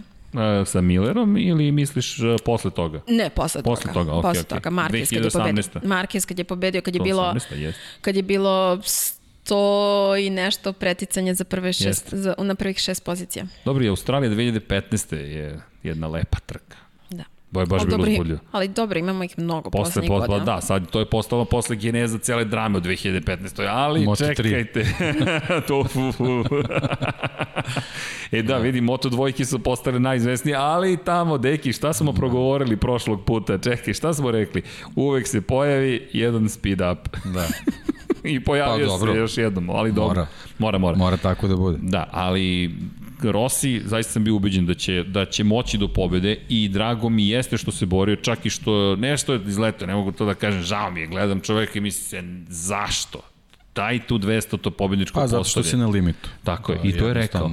I njegova izjava, izvini, rekao je, baš ovo što si ti rekao, drugačiji su Mizano i što Jelena takođe konstatovala. Mizano i Barcelona su drugačiji. U Mizanu ja se nisam osjećao dobro, tehnički nisam bio dobar. Ovde sam bio dobar, brzo od prvog do poslednjeg treninga, brzo u trci i bio je potpuno slomljen. Ja ga ne, ne pamtim da sam ga video tako indisponiranog. Ramena ob, obešena, da se hvata za glavu, da na konferenciji, ali kakav je profesionalac, Deki, evo ja ću biti ako treba ličan, ja samo istaći ću njega jedan od njegovih kolega je manje bio profesionalan, nije bio raspoložen, intervju sa 10 ljudi je trajao 6 minuta. Rossi je jednu izjavu davo 2 minuta. Ja mu skidam kapu. U momentu kad vidiš da mu je srce potonulo, taj čovjek je došao i dao izjavu, bio mega profesionalan. Prav, zaista. I veoma iskreno pričao, tako znači to nisu bile neke diplomatske ne. izjave. Ali on, tako, on je takav da. uvek. Mislim, bio tako prvi je. ili poslednji. I ključna stvar što je rekao, ljudi, ja sam išao na pobedu. To, Znači, ja, ništa me drugo super. nije zanimalo, nije, nije kao, jel, jel nekako bukvalno su naše kolege htjela da ga uteše u smislu kao, ali bile super trka, baš je ohrabrujući pozitivno. Pa Kaže, ne, on... nije, ja sam hteo da pobedim. Ali to da, je da. super. Ali rekao je kao, ako već moramo, imam šta dobro da izvučem da, iz ovog da. vikenda. Kao, pa do dobro, trke da, naravno, je sve bilo naravno, kako, da, da. kako treba. Da. Uh, ja uvek pominjem, uh, Rossi, nema to veze sa tim da li ga neko voli ili ne. Uh, od vozača ne postoji profesionalniji od njega. A dobra stvar je to što su mnogi to naučili. Ima onih koji nisu, ali Mark Marquez je to naučio od njega. Meni je Nicky Hayden 2015. godinu u Mizanu rekao Rossi je primer svima nama kako treba da se ponašamo prema medijima, prema navijačima. Ako njemu nije teško da sedi i da odgovara na jedno te isto pitanje, zašto bi meni bilo? Tako da, a Rosija a dakle, stvarno... stavio, stvari sve ali, rekao. Ali stvarno, njemu postavljaju jedno te isto pitanje i on svaki put nađe način da odgovori. Izvini, ja se smijem, jer to ovako otprilike. Alora. Da, alora. alora. I pošto se smeješ, ti već ti simpatično šta god ima da odgovori. So, i onda krene razgovor. I'm ali, very happy. A very happy, to su svi, te, samo što ne treba drži lekcije engleskog svojim italijanskim kolegama, ali to zato isto šarmantno. Platio, zato im je platio profesor. Izvini, Franco, koji, Franco je primjer čoveka koji i tekako dobro govori engleski. Ali... A brat, izvini što mu se raspričao. Luka. Luka, što se raspričao Luka, poslednjih nedelja. A ti se ne bi raspričala od jednom Luka. Da, da. Crni Luka. I žurke i ostalo. da, da, e, biće žurka, mislim, neće biti, neće žurka. Nema žurke kod mene. Ali dobro. Ali dobro, da. da. Ali to jeste zadivljuće. I kažem, jedan drugi kolega, mi smo čekali intervju i sad sve smo najavili, pripremili, pojavio se i rekao da ne, da ne, da ne, da ne. Kraj. Ljudi, to se tako ne radi. Evo, ako neko želi besplatnu lekciju o profesionalizmu, Otkrićemo to se tako jednom ne radi. ko je. Da, da, jednom sad radi. nećemo, da, jednom da, ali da, neko ko nije mala, mala zvezda u Moto Grand Prix-u, čovjek se pojavi u momentu kada, je, kada, kada su ljudi zarobljeni u kućama, naše kolege, dakle, koje, pogotovo freelanceri, dakle, deki, znaš o čemu govorim, ti, to, to su redke situacije, tebi, ne, ti, tebi neko treba da da intervju i on se ponaša tako. Neprihvatljivo, ali zato sledeći put, kad bude poziv, hoćete intervju sa gospodinom, što se nas tiče, sledeći put. Dakle, i to je pravilo. Ok, jel ti tako postojaš stvari, evo možemo mi tako da postavimo stvari, možda ćeš sledeći put naučiti pa će se javiti troje kolega umesto desetoro kolega pa ćeš reći čekaj šta, gde grešim. Vidjet ćemo, ali... Srećem je u manjini, tako da... Veoma velikoj da. manjini, ali imam dve stvari gde su mi se rodile u glavi. Rins, koji je fenomenalan bio, pričao sam o Rinsu, to nisam stigao da ga spomenem. Botas, za mene, Valtteri Botas pobedio je na velikoj nagradi Rusije, iako Vanja i Paja kažu, ok, frustracija je izbila i tako dalje. Meni njegova psovka po završetku trke je razočaravajuća. Da. Dakle, da. da je prvi put u njegovoj karijeri, rekao bih, cool, ok, dešava se, imaš nešto da nam poručiš, ali ti posle pobede na takvom događaju, devete pobede u trci u karijeri, nalaziš za shodno da se obraćaš ljudima koji su tvoji kritičari i da im kažeš šta? Da, ne mogu ni da ponovim psovku. I to ti je cela poruka koju imaš u ovom trenutku. Na mestu gde najzad imamo gledaoce, na mestu gde si zabeležio pobedu koja je prva pobeda još od početka sezone, koja je činjenica i došla posle kazni tvog klubskog kolege, ti nalaziš za shodno da se postaviš na takav način. Meni je razočaravajuće, ali bih više istakao, da, i Rosija koga smo istakli, Rinsa, kakav gospodin, koji je treći u Moto Grand Prix trci, koliko god da voli Moto Grand Prix, biti prvi u Formuli 1 i treći u Moto Grand Prix nisu isto, koji kaže, ovo posvećujem svima porodicama koje pate od posledica pandemije COVID-19. Drugo, Luisu Salomu, Da. I treće, moj porodici. Ne, nevjerovatno, evo Da, opet trenutak, naježio. trenutak Dobro, ali- gde, gde stvarno posjeduješ veliku količinu koncentracije da, da razmišljaš o tome, Da. a ne samo da izbaciš neke svoje frustracije. Ili to. Svaka čast Da, Rinsu. da, Zaista, da, da. i taj njegov skok u Herezu, žrtvovo je Ne, sezonu. ovo, ova sezona, baš, baš sam htio da spomenem taj Jerez. Ovaj, To je to. Isto razmišljamo. ovaj, stvarno ove sezone, ono, svaki po, potez je vrhunski. Gospodski. zaista. Gospodski vrhunski. I da. taj njegov hladan odnos sa mirom je na gospodskom nivou. I to ono što si ti pričao. Pa dobro, okej, ne moraju da se Ne, ne vole. moraju da su, mislim, ne, Ali se poštuju. Nije, nije obavezno da ne budu najbolji je. prijatelji, ali jednostavno vidi se da tu postoji neko poštovanje, neki džentlmenski odnos. Ja mislim da će takav odnos biti na stazi u slučaju da dođe do neke situacije. Da. Ja Da. mislim da, da će neko od njih dvojice ispraviti motocikl ako, ako je neophodno. Da. To su gotovo sigurno. A, a pazi šta su odvezli. Druga, Ali on je koštao, on je s tim svojim potezom u Heresu, M što je spasao Jacka Millera, M je uništio sebi sezonu na neki Sezonu način. gde imamo ove vezane Gde je trke, imao, to je mnogo, je, mnogo nezgodno. Da nije se povredio tada, mislim da bi bilo drugačija priča već sad. Pa i karijerno šta je učinio? Ako Mir osvoji titulu, to će biti prvi šampion Suzuki od Kenija Robertsa mlađeg, 20 godina kasnije. A ti si taj koji je ranije došao u tim i koji imaš, koji, koji imaš šansu da osvojiš titulu. To, ta vrsta nesebičnosti, ja mu zaista Ja mislim, kapu. mislim da tu veliku ulogu igra Davide Brivio. Da. da je on ulio veliko samopouzdanje u bojici gde naravno ne, ne mogu da citiram, mogu samo da karikiram da je jednostavno da, da je čovek rekao šta god uradili, vi ste nama isti, mi smo tim. To. I, I to se vidi. To. Jednostavno, rezultati ove godine pokazuju da je to to. Pa kako su slavili? Znači, niko nije digao ruke od Rinsa zato što je povređen. Ne. Jednostavno dobio je možda još veću pažnju ovaj, u trenutku gde bi imao nek, neki nivo da, je- da je sve okej. Verovatno i više od toga. E, i. I to, on, to oni vrate na stazi. Ali meni je veća priča bila to dvostruki podijum Suzukija u odnosu na Quartararovu pobedu. Jer upravo ono što smo pričali, da li je iko pomislio da će se to desiti sad?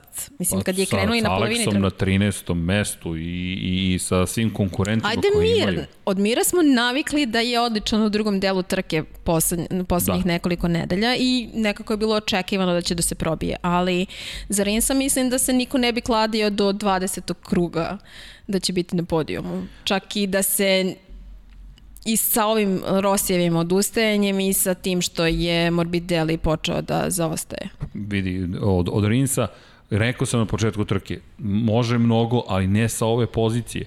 Ne sa ove pozicije, ali tu deki dolazimo do onog što si ti spomenuo i što se spominje generalno Suzuki koliko je savršen motocikl.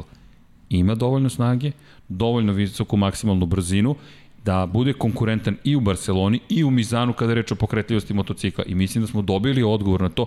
Yamaha, skidam kapu kako su ovo izveli, ali takođe Yamahi je potrebno to, start iz prvog, drugog startnog reda, mada kritike za Mjaverika Vinjalaca, koliko god govorio da sam imao, jer ono što je moj problem je, e da, da ima moj motocikl veću maksimalnu brzinu, ja ne bih bio u ovoj poziciji. Okej, i, još jedna, ja se stalno, stalno ovaj, se vezujem za neke njegove izjave, ali prilično me e, pogode ka- kad, kad izgovori nešto. Ovoga puta je rekao, mi smo došli u Barcelonu sa motociklom koji je podešen kao motocikl u Mizanu, zato što mi je bio fenomenalan. Odlično sam se osjećao na njemu. Krenuli smo s njim, ništa nije valjalo, krenuli smo da menjamo, da vidimo gde ćemo stići i nismo nigde došli.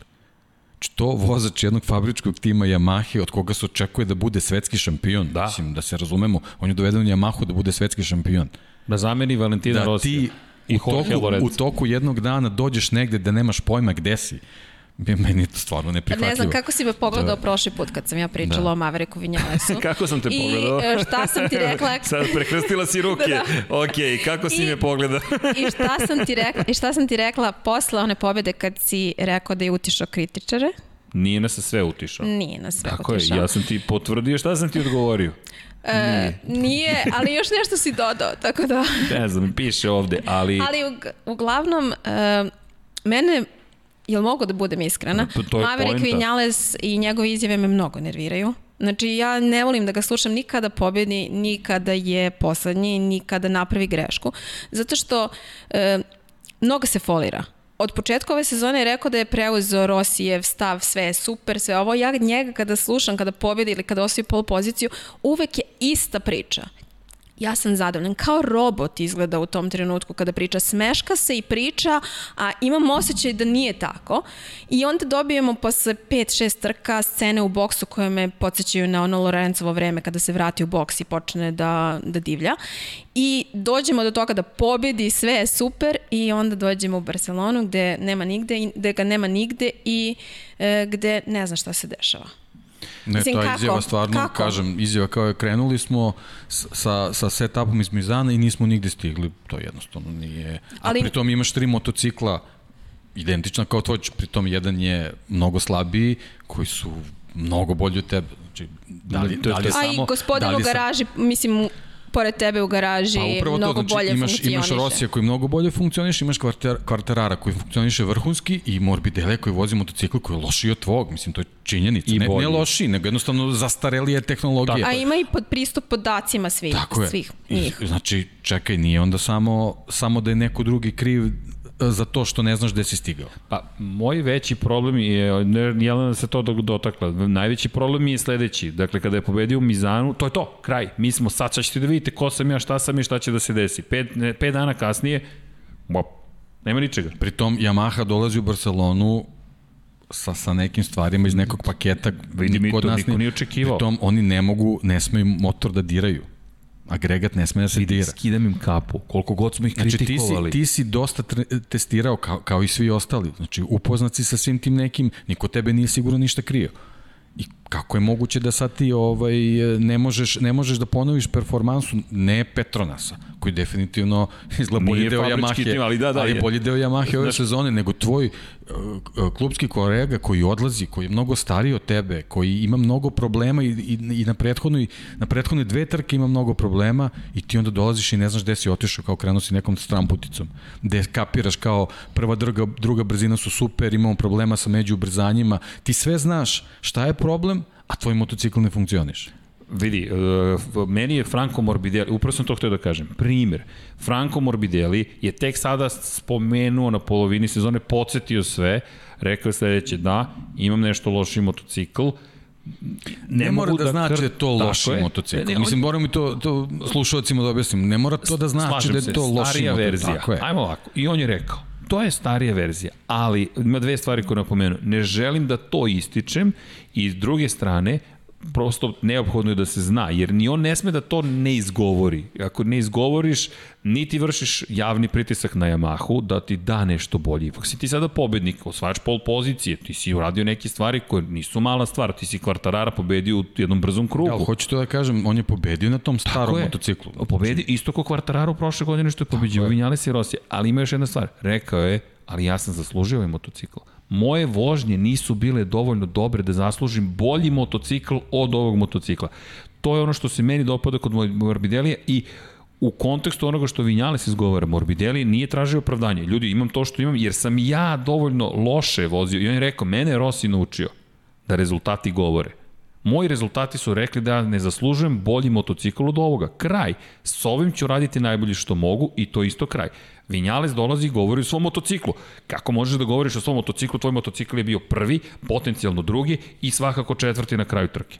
Kakva je to sada priča o motociklu? Pri čemu si na prethodnoj trci govorio evo šta smo uradili, mi smo našli kako mi, mi sve znamo, mi smo najbolji na svetu, sad ćete tek da vidite. Da, ali e, meni je veći problem na ovoj trci za veliku nagradu Katalonije, to što je objektivno Maverick Vinales pobedio jedno, jedino Kyle Karačo i Breda Bindera. Mislim, ispred njih je. Da, Ostali on se, vozači, on se vozio, bukvalno čito vreme se vozio ispred Vozio se znači, iza, ispred iza njega, si rekao, vozio se. Ispred vozio njega se, da. je vozio. Danilo Petrući, koji je ove sezone ne znam šta radi. U lošoj formi. Ali na Kagami svaka mu čast, on je jedini vozač koji je svaku trku završio među prvih deset ove sezone.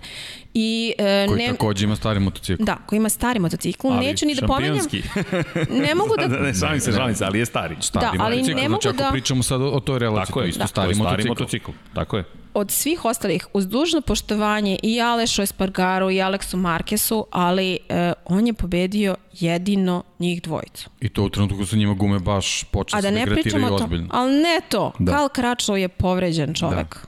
Da. Znači, nje, nema šta nije povređeno na njegovom telu.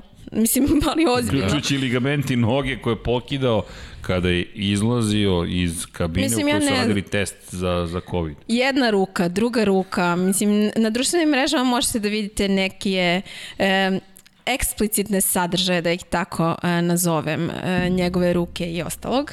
Znaš, da... izvini, znaš šta mi pada na pamet? Da potražimo da uradimo analizu pratilaca, da li ga prate medicinski studenti ortopedije i generalno. Da, znači on- Jer ono je kao da ste na, sli, na, na enciklopediji za medicinu zapravo. Malo, malo besplatno. otvoren deo tela, tako je. I Da. to uživo. Tako da, Maverick Vinales je samo njega pobedio.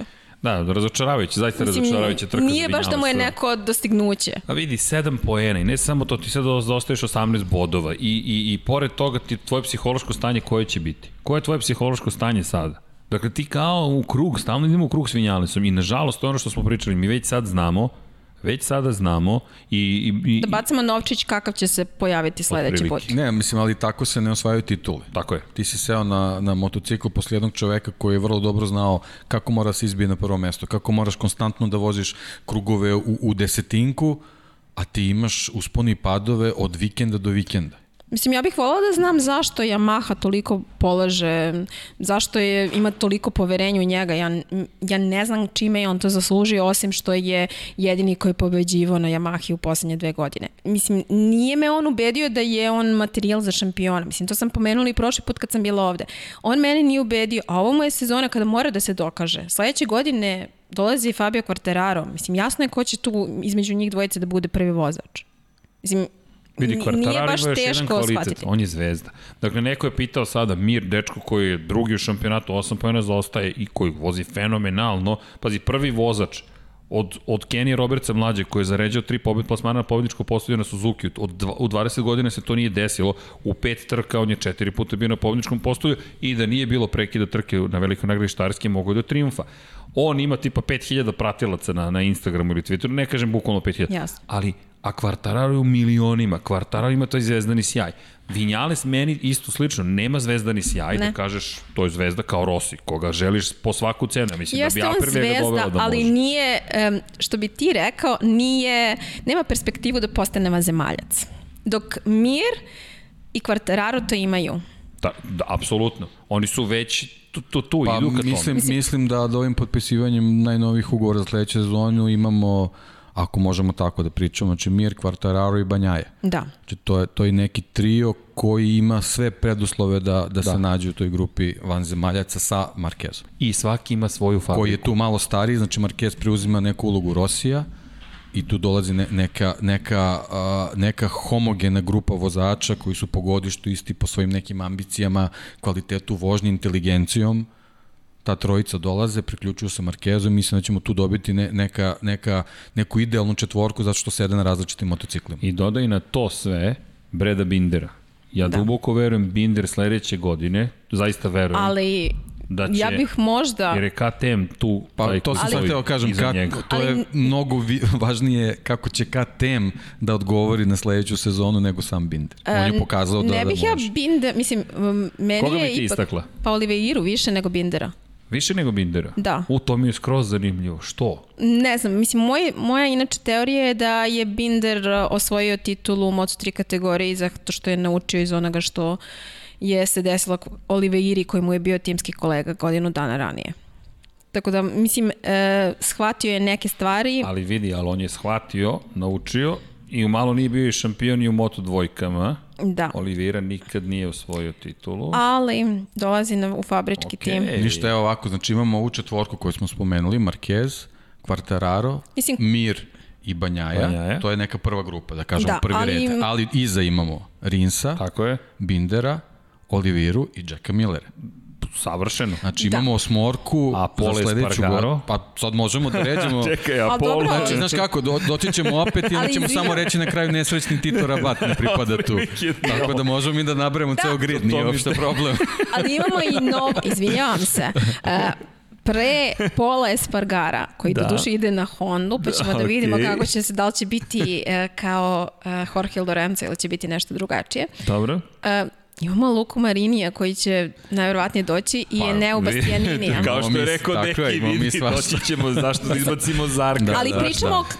A, o da. toj mlađoj generaciji. Ah, da, dobro, znaš Espargaro kako, je malo ipak, stariji od njih. Ipak neki ko, ko tek... u- Da, da, da, Jasno. naravno, on je stariji, Pa mnogo godina je tu. Ovi sad momci koji tek sedaju, hajde da ne pričamo o njima kao nekim zemaljcima, ali ovo je neka iskusna, iskusna četvorka koliko- koja ima za cilj da juri Marka Znaš Markeza. šta, ali koliko god je- ja volela Pola Espargara, um, ne mislim da je to moguće. Pa ne, Mislim sve da je okej, o- nego on je jednostavno momak koji već mnogo, mnogo godina Jasno, je tu. tu je. I, Ali, ali vidi, vidi, vidi. Je, ova, ova, ova trojka, po meni, ova trojka klinaca, to je to, je to i super mi je što su na različitim to- motociklima. A meni je ovo, da, tako je. I svi e, sedaju na, tako je. i svi su na fabričkim E motociklima. to, pazi, Vinjales da je ostao u Suzuki, ja i dalje govorim odgovorno, Suzuki i Vinjales su savršenije Možda kombinacije. ta tvoja Naravno. rečenica, možda je njemu veliki problem, problem pritisak zato što je Yamaha. Tako je.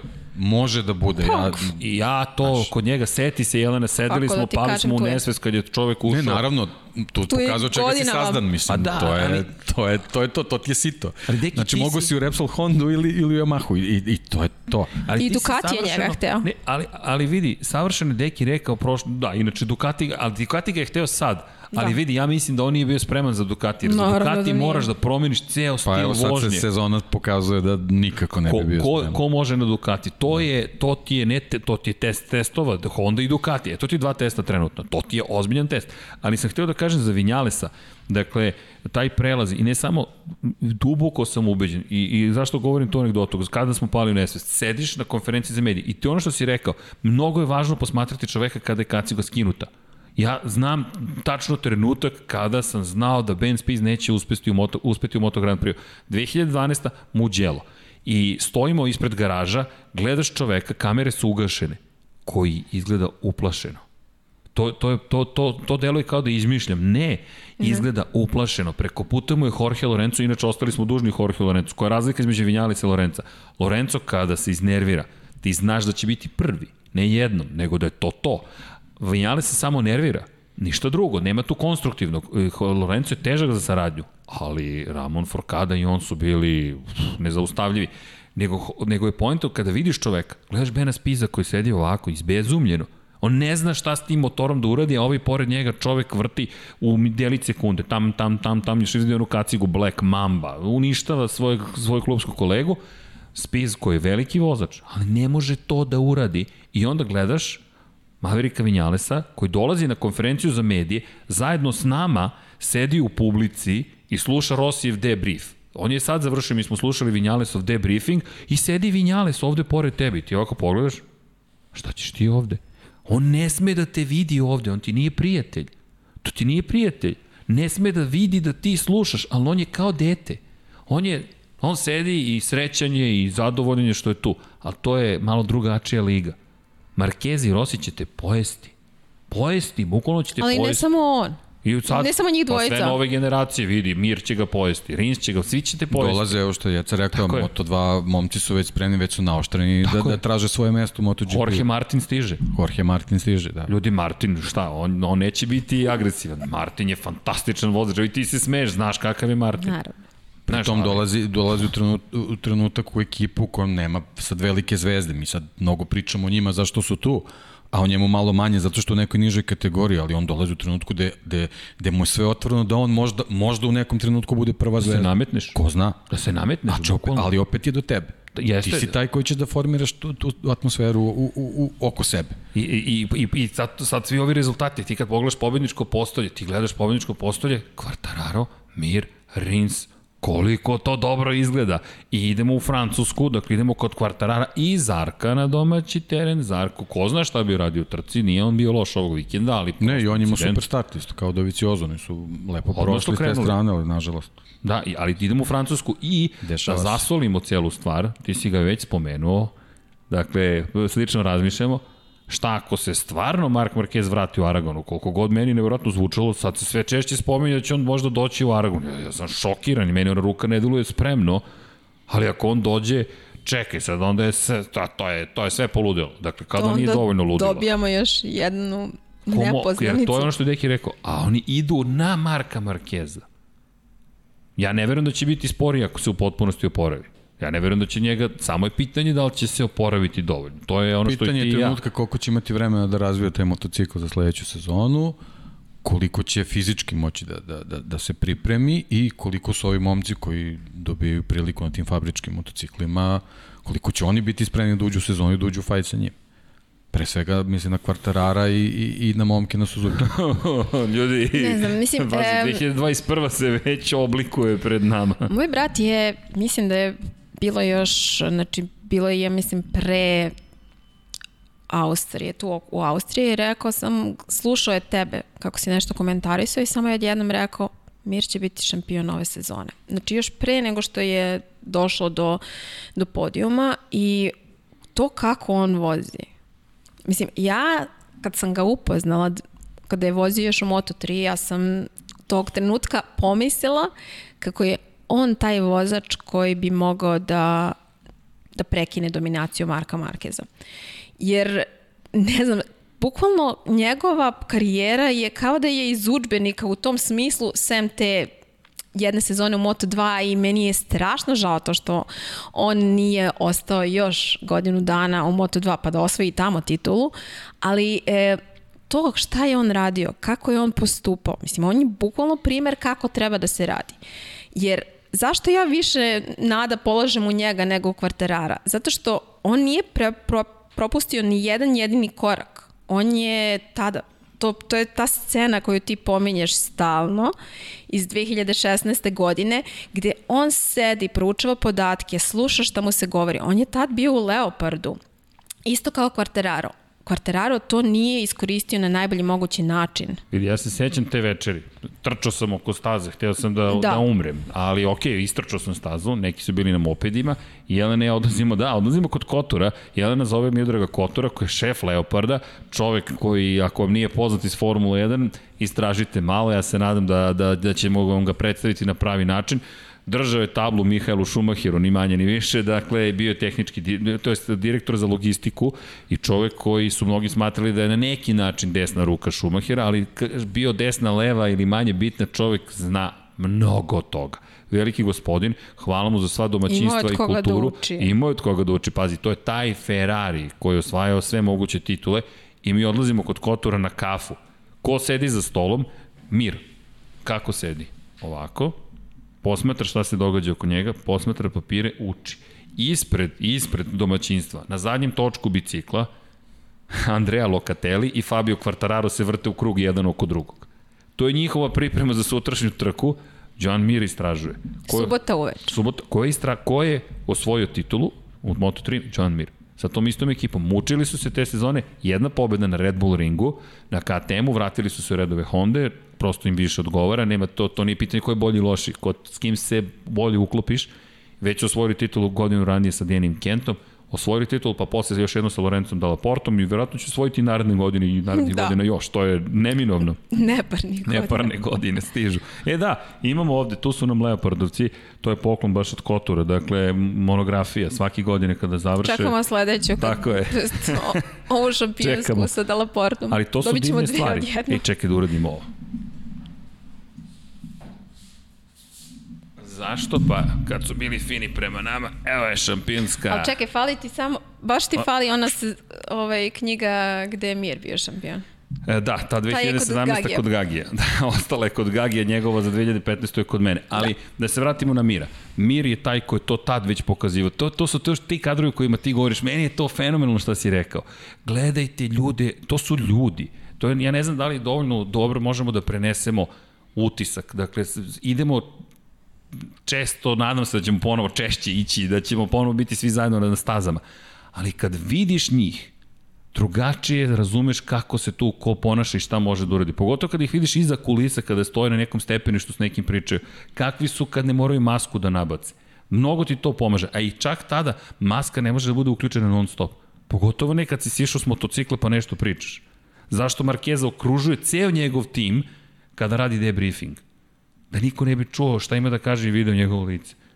To sad nama je žao, što ne možemo da pročitamo više, ali to je to. I mir, od, od onda smo pričali, ja znam prošle godine kad smo pričali, ljudi, mir može da poremeti Rinsa u celoj ovoj ekipi. U, a sad, da li će ga poremetiti? Mislim da i njihov odnos govori o tome da Rins ne želi da bude poremećen, ne želi da se zbliži s nekim ko, ko, ko bi mogao da mu bude drag konačno i prema kome bi mogao sutra doći slabost. To je moj utisak, jer poznajući Rinsa, znamo koliko je bio odnos neću reći napet, ali interesantan između njega i Saloma, ali to nije bio odnos bez poštovanja i ljubavi. Samo nije bilo, e, ajde da radimo zajedno. Ne, ne, svako radi za sebe i podržavamo ekipu. Mir da, ali, ali mislim da je opet taj važan, važan moment David je brivio, jer samo se treba nabrojati koji ljudi rade u nekim drugim ekipama i kako ovu godinu baš izgleda ne umeju da hendluju s obzirom koliko je napet. Gospodin Alberto Puđ, na primjer.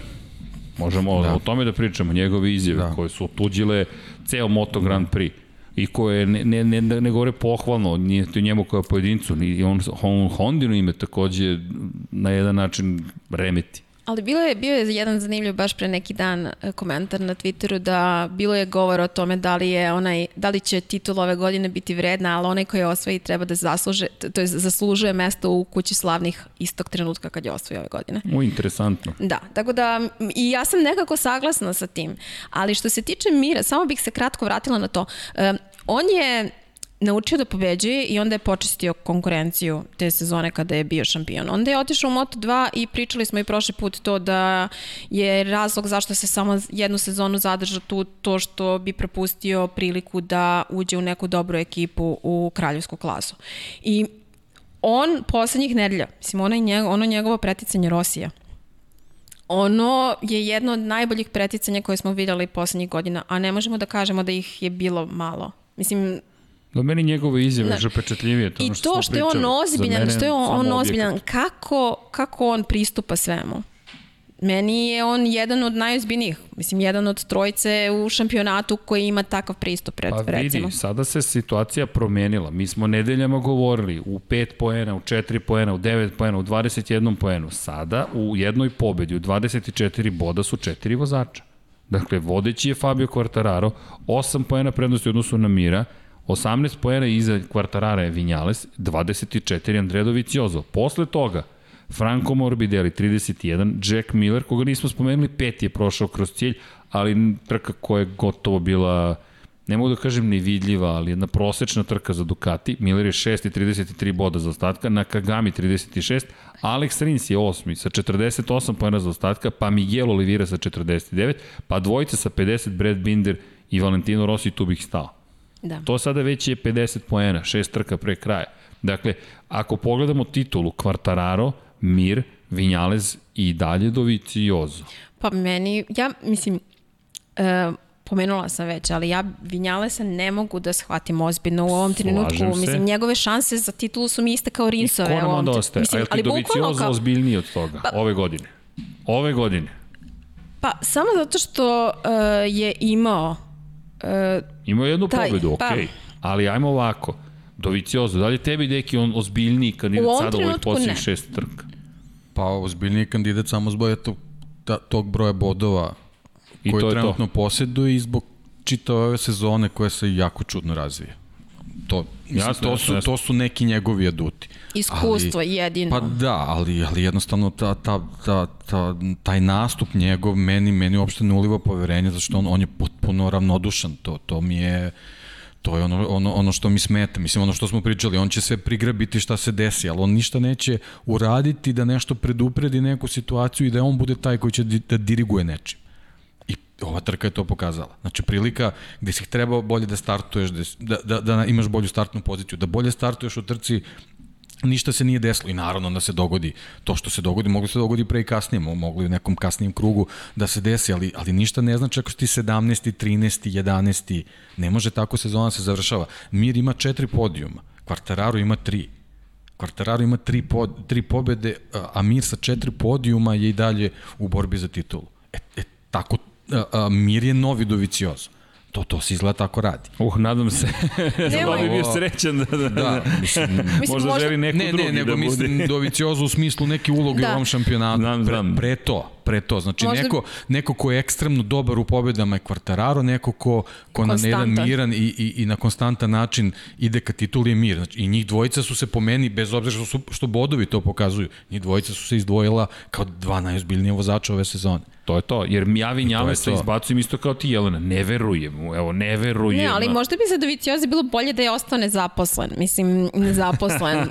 da mu stoji natpis posle Mizana da je nije vraćao- zadržao, da nije vraćao. kombinezon, da. Pa da, ali on je i dalje nezaposlen, ali, ali, ali njegova scena, znaš, meni je taj pogled njegov ka nebu, dokle? Mene Vidi, to je na tužno. Jel Kao, Pa to, ali to je jedina, jedina reakcija koju ima čitavog vikenda. E, Bravo. To je Bravo, jedina to je reakcija. jedina reakcija. Majstore, šta si uradio pre toga? Ništa. Šta si uradio da ne dođe do toga da gledaš u nebo? Zašto, zašto gledaš u nebo? Od koga tražiš pomoć kad si ti taj koji ispod sebe ima bre jednu brutalnu mašinu? Deki, zna, kad ti tako izgovoriš, a znam koliko Ja si sad sam nežan. se iznervirao.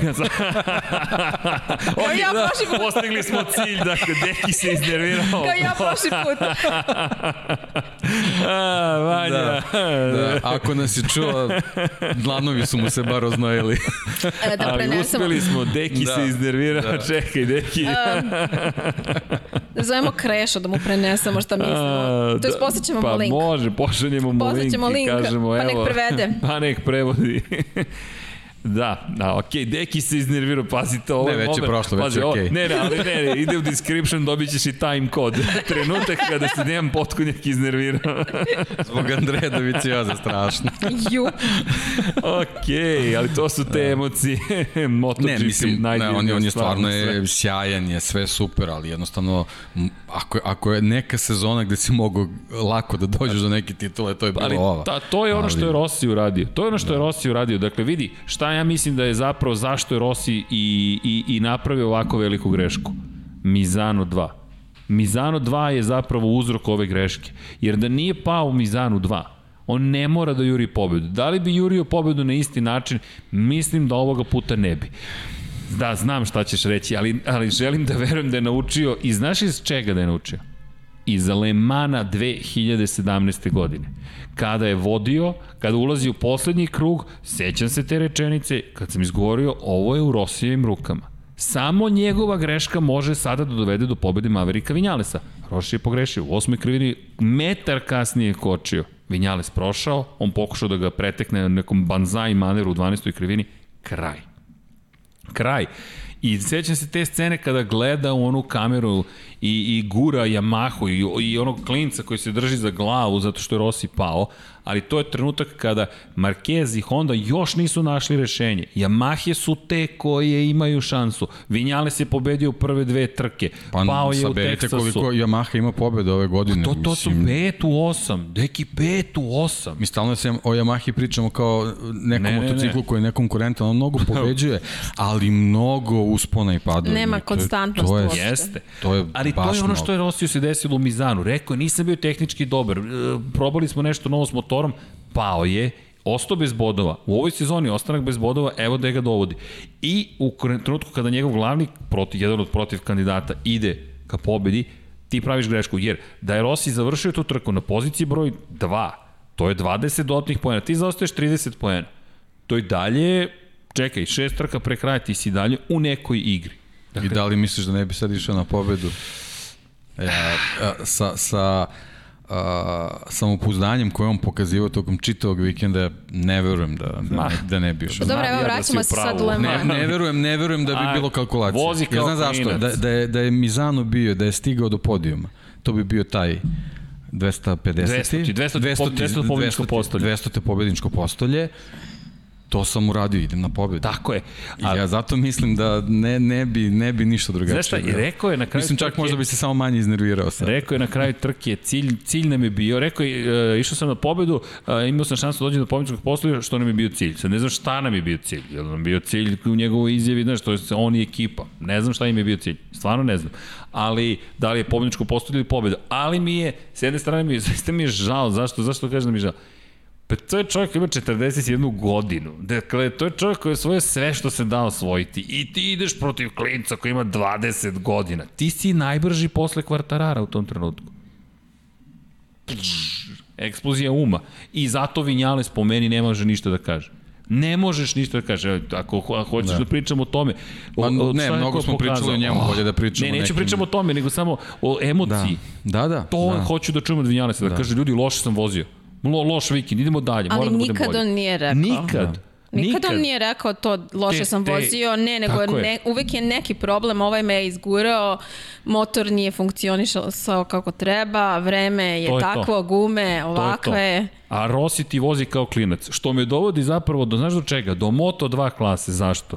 Gledam Luku Marinija, pobjednik u Moto2 klasi, on izgleda stariji od Rosija. Da. On izgleda izgleda od Rosija, ti gledaš polu brat, gledaš klinca koji nije klinac, 24, go- 24 Da, ali godine. jel ga gledaš i vidiš Rosija malo Da, njemu. ali vidiš, ja mislim Rosija sa 50 godina, dakle ne mislim da on izgleda staro, nego Ne samo nego- njegove izjave izgledaju kao nekog zrelog čoveka. Rossi i dalje ima minđušu koju je imao. Ja u njegovim potezima nekim vidim Valentina, bukvalno, kao da je da smo Kao se da su vratili, braća. ne, nego kao da smo se vratili kroz vreme i eto gledamo ga u Moto2 kategoriji. Za Ne, meni je, meni je simpatična Rosijeva izjava bila ovaj, kao, kad su pitali da li je Luka taj koji će zauzeti mesto ovaj, u Avinti, on je rekao, ja se nadam da neće doći u MotoGP dok ja vozim. to je tako Teško. da, ovaj, da, ne, simpatično je, krenulo. ovaj, ali Pa, kao, moramo ove- da razmišljamo i o tome. A da, ali, ali Da. u, u četvrtak isto Da. tako rekao, mi čekamo i tu Mizanu, radimo, pregovaramo sa Vintijom da Luka pređe u Moto Grand Prix. To je izjava od... Bilo bi mi žao da Bastianini ovaj, zbog Isto. toga ne dobije mesto. Isto, ja, Ali ja sam ja će... svakako tipujem da će Tito Rabat da im postane trener. Coach. Da, trener. Ja, to bi bilo lepo, to bi bilo lepo i Kao za karijeru. Julian Simon. Tako je. Julian Simon je vrlo aktivan. A Da. On je aktivan u Yamahi, možete da ga vidite, dok čovjek je aktivan. Ali ja bih iskreno voleo da, da Tito Rabat nađe to svoje mesto pod suncem. Ja možda sam slab prema Tito Rabatu, ali svi ti vozači koji osvoje titulu, to, to, ne, to se ne osvoje tek tako. Samo mi smeta što nije dorastao Moto Grand Prix-u, a troši jedno sedište. Realno troši jedno A sedište. dobro, uvek smo imali neko ko troši to jedno sedište, ovaj, a sad ima, Dobar nam ima, je mnogo, prosek. ima mnogo konkurenata o, za tu poziciju. Pa to je tako da, evo, evo sad, sad, 4%. sad ovo je najnovija ova raspodela po Ducati otprilike kako smo i očekivali. Da, da ne zaboravimo, raspodela da. je sledeća, dakle Miller, Banjaja su u fabričkom timu, Martin i Zarko će biti u pramaku. Meni, ja sam to rekao, meni je to mnogo bolje rešenje za Zarka. Jer Jeste. mislim da je Jeste. profil kao Vinjales, ne treba ti da ideš u fabriku. Kao i Kračlov kada je došao u fabričku ekipu, to, to nije funkcionisalo u Ducatiju. To su ljudi koji traže više slobode nego što vam fabrika pruža, koji su na svoju ruku. Ali kad već pominjemo to, žao mi je da Tito Rabat izgubi svoje mesto i ostalo, meni je nekako, Ne, iako ne, ne, sam, ne, nije mi žao. ne to, nego e, meni je žao, ipak, iako sam prošlog puta rekla za Kala Karačlova e, to što sam rekla, ali e, on zaslužuje mesto u MotoGP-u. Mislim, ja imam problem sa tim kako on komentariše na Kagamijeve nastupe i evo vidimo sad potvrdu. Jeste Kal Kračlu povređen i sve to stoji,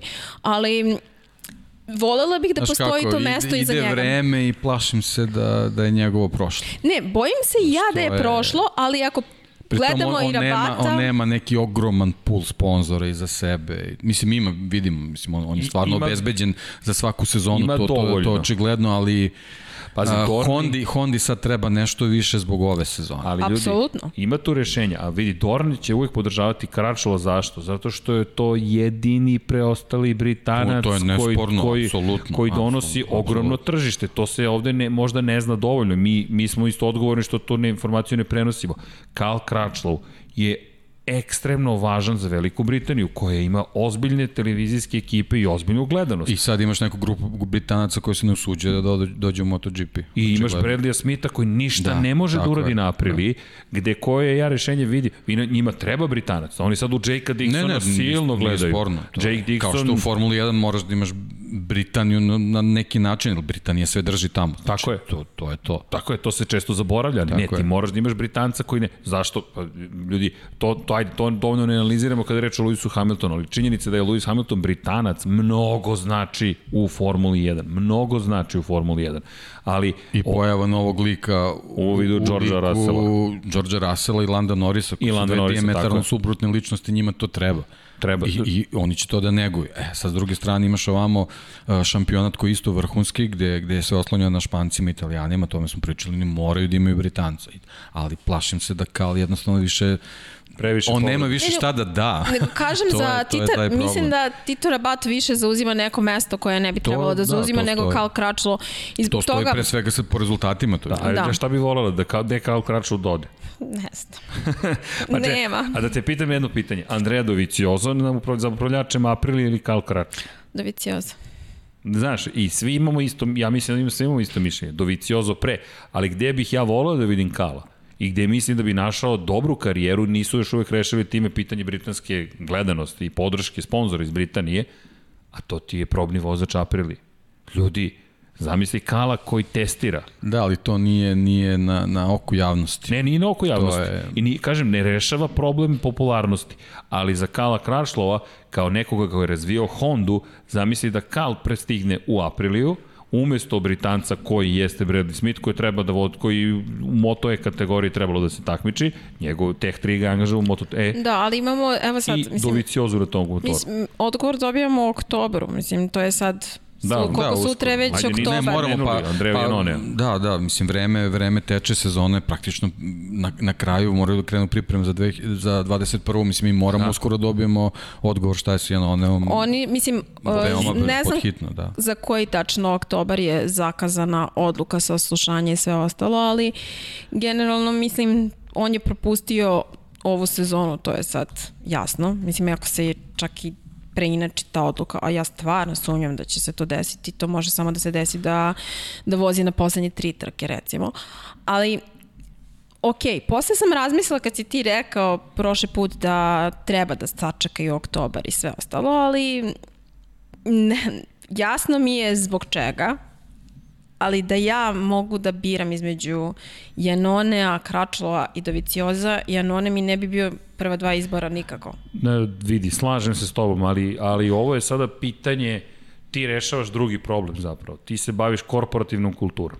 I Massimo Rivola je došao između ostalog da promeni kulturu. Jer kultura je do sada bila takva da, e, ti se nama ne dopadaš, Sam Lowe's, aj napolje. Bukvalno, aj napolje. To je tretman koji nije zaboravljen. Nije jedini. Nije jedini. Pogledaj šta je Aprilia do sada radila. A Scott Redding? Tako je, Scott Redding, koji uopšte nije loš vozač. I on je isto, ne sviđaš nam se, čao, napolje. Znaš, oni su ih izbacili bukvalno. Ti, ako dolaziš, treba da kao vozač da potpišeš za tim, za koju, koju znaš da kad dođeš, Onda nisam baš siguran da bi se Kračlo uklopio u priču da se nekom sviđa. tako je. E, a Massimo Rivola sada gradi jedan novi tim Aprilije koji kaže, ljudi, mi smo mnogo ozbiljniji nego što smo bili do sada. Jer ti moraš da promeniš percepciju cele javnosti, ali i samih ljudi koji rade unutra, to je promena korporativne kulture i Kala Kračlo ili bilo koga ko treba da dođe. Jer ako ja treba potpišem za april, mene je strah. Strah šta ako ne ispunim očekivanja. Neće me kao Brivio Rinsa podržati, nego će me šutnuti bukvalno napolje, na ulicu. I znaš, to onda ekipa s kojom ja ne želim da imam Da, posla. ali imamo, mislim, ja imam problem sa Aprilom to što, eto, da Janone nije suspendovan. Oni imaju Aleša Espargara i Janonea. I oni su sad odlučili da zadrže Aleša Espargara, što ja mislim da se ne bi desilo da Janone nije suspendovan. Ali se desilo. Neko Ali bi desio se. napustio tim. Da, ja sam sigurna da... Neko bi otišao. Neko bi otišao. Neko bi otišao. Oni su sad zadržali, mislim da su pojurili sa odlukom da zadrže Aleša, generalno. Ali koji si izbor imao u momentu kada je tebi Janone pred suspenzijom? jasno mi je to. Nemaš izbor. Jer niko ti ne poznaje motocikl. Tri trenutno, ja zna, pretpostavljam gde ideš. Aleš Espargaro ne važi za vrhunskog probnog vozača. Aleš Espargaro jedno jutro vam govori da je ovde podešavanje motora, a drugo da je ovde. I to važi u krugovima, u padoku, kada pričaš sa ljudima koji Jasno. su bili, oni govore, mi imamo problem Pa, sa pa, Alešom. pogledajmo- Mi ne znamo šta on hoće. Jer jedno jutro ti kaže, hoću ovo, e kad to sredite, bit će super. E sad hoću ovo. I ta variranja su problematična. A imali smo testiranje gde je Aprilija izgledala fantastično. Jeste. I šta se desilo kad je došla? Ali to je sad priča Ali- kao što smo imali priču o Vinjalesu. Tako znači je. ti ako Da. ne znaš odakle Jasno. kreneš, gde ćeš da završiš, ti ćeš verovatno u nekom trenutku biti super. Ali pretiti da će u sledećem trenutku biti negde Znaš kako se Nigde. to zove? Sreća. A to ne može biti... A posebno kad razvijaš motocikl. Tako je. To moraš da imaš neki put, nešto moraš da imaš nacrtano. Vidi, to R&D, Research and Development, ljudi to vole da pišu i to onda, ja, mi sad sve istražujemo. Ne mora to da bude tako zanimljivo. To jest, meni je zanimljivo, ali ne možeš da optimizuješ po tri stvari. To je Rossi grešio prošle godine. Stavim novi auspuh, stavim novu zadnju viljušku, stavim novi prednje oslanje. I onda nešto krene da funkcioniše, ti ne znaš ni šta tako funkcioniše. Je, tako je, da. bravo. Jer šta ti radiš? Ti prvo postaviš, to je, to je naučna, naučni metod. Ti postaviš bench, ne benchmark, ti, ajde, zovemo ga benchmark. Ti postaviš nešto u odnosu na šta menjaš stvari. I ti kažeš, imam tri stvari koje testiram. Stavim prvu stvar, uporedim sa nominalnim rezultatom. Vidim gde sam otišao vratim na ono što je prvo podešavanje, pa onda promenim samo drugu stvar, pa vratim na podeš, pa samo promenim treću stvar. Vidim gde je i onda i pitaš to ono što Casey Stone rekao, osjećaj vozača, gde kojim putem bismo dalje. Ajde ovo prvu sada. E sad sa tom prvom menjamo šta nam je norma. Ovo nam je nominalno stanje, pa sad ovo drugo i treće dodajemo na prvo. Pazi, to je proces, to je ono što je Dani Pedrosa, ja sam ubeđen, savršen i tu je KTM tako dobar. Ako ti samo menjaš i menjaš i menjaš i menjaš, Ti ne znaš zašto si uspeo u nečemu. Zato je Aleš problematičan. Ali vidi sad ovo. Ti sad imaš jedinog vozača koji može nešto da uradi. Uveo si Bradley Smitha u igru, katastrofa. Mi ga ljudi ne spomenu smo pa, za sve vozač, ove. Da, da. Za sve ove podcaste mi Bradley Smitha ne spomenu smo. Mi pričamo o Titu Rabatu, ali realno, a šta je bolji Bradley Smith? Zašto je Smith zaslužio više da bude u aprili? Nešto. Nažalost nije. I zato mislim da je to, ist, da je to iznuđen potez. Daj bar da zadržimo Aleša, daj nekoga ko makar nešto zna. Jer KTM, na primjer, sada ima Danija Pedrosu. Znaš kako, moguće da je, da je to priča, daj da, da imamo neko ko ima znanje o nekoj istoriji našeg razvoja. Jer to. ne možeš da dovedeš sad u ovom trenutku dvojicu novih koji padaju s neba i nemaju pojma gde smo krenuli, gde da smo stigli. Marka Melandrija. Gde smo bili. Da, da. Ne, dovedu Marka da. Melandrija s početka. da, da. Marka Mel... Pa Kad da. se već reaktivirao. Pa da, ali, ali vidi... Da, da, mislim, umesto Bradleya Smitha, ne mislim za sledeću sezonu. Pa znam, znam, ali vidi, šta hoću ti kažem, April je u nezgodnom položaju.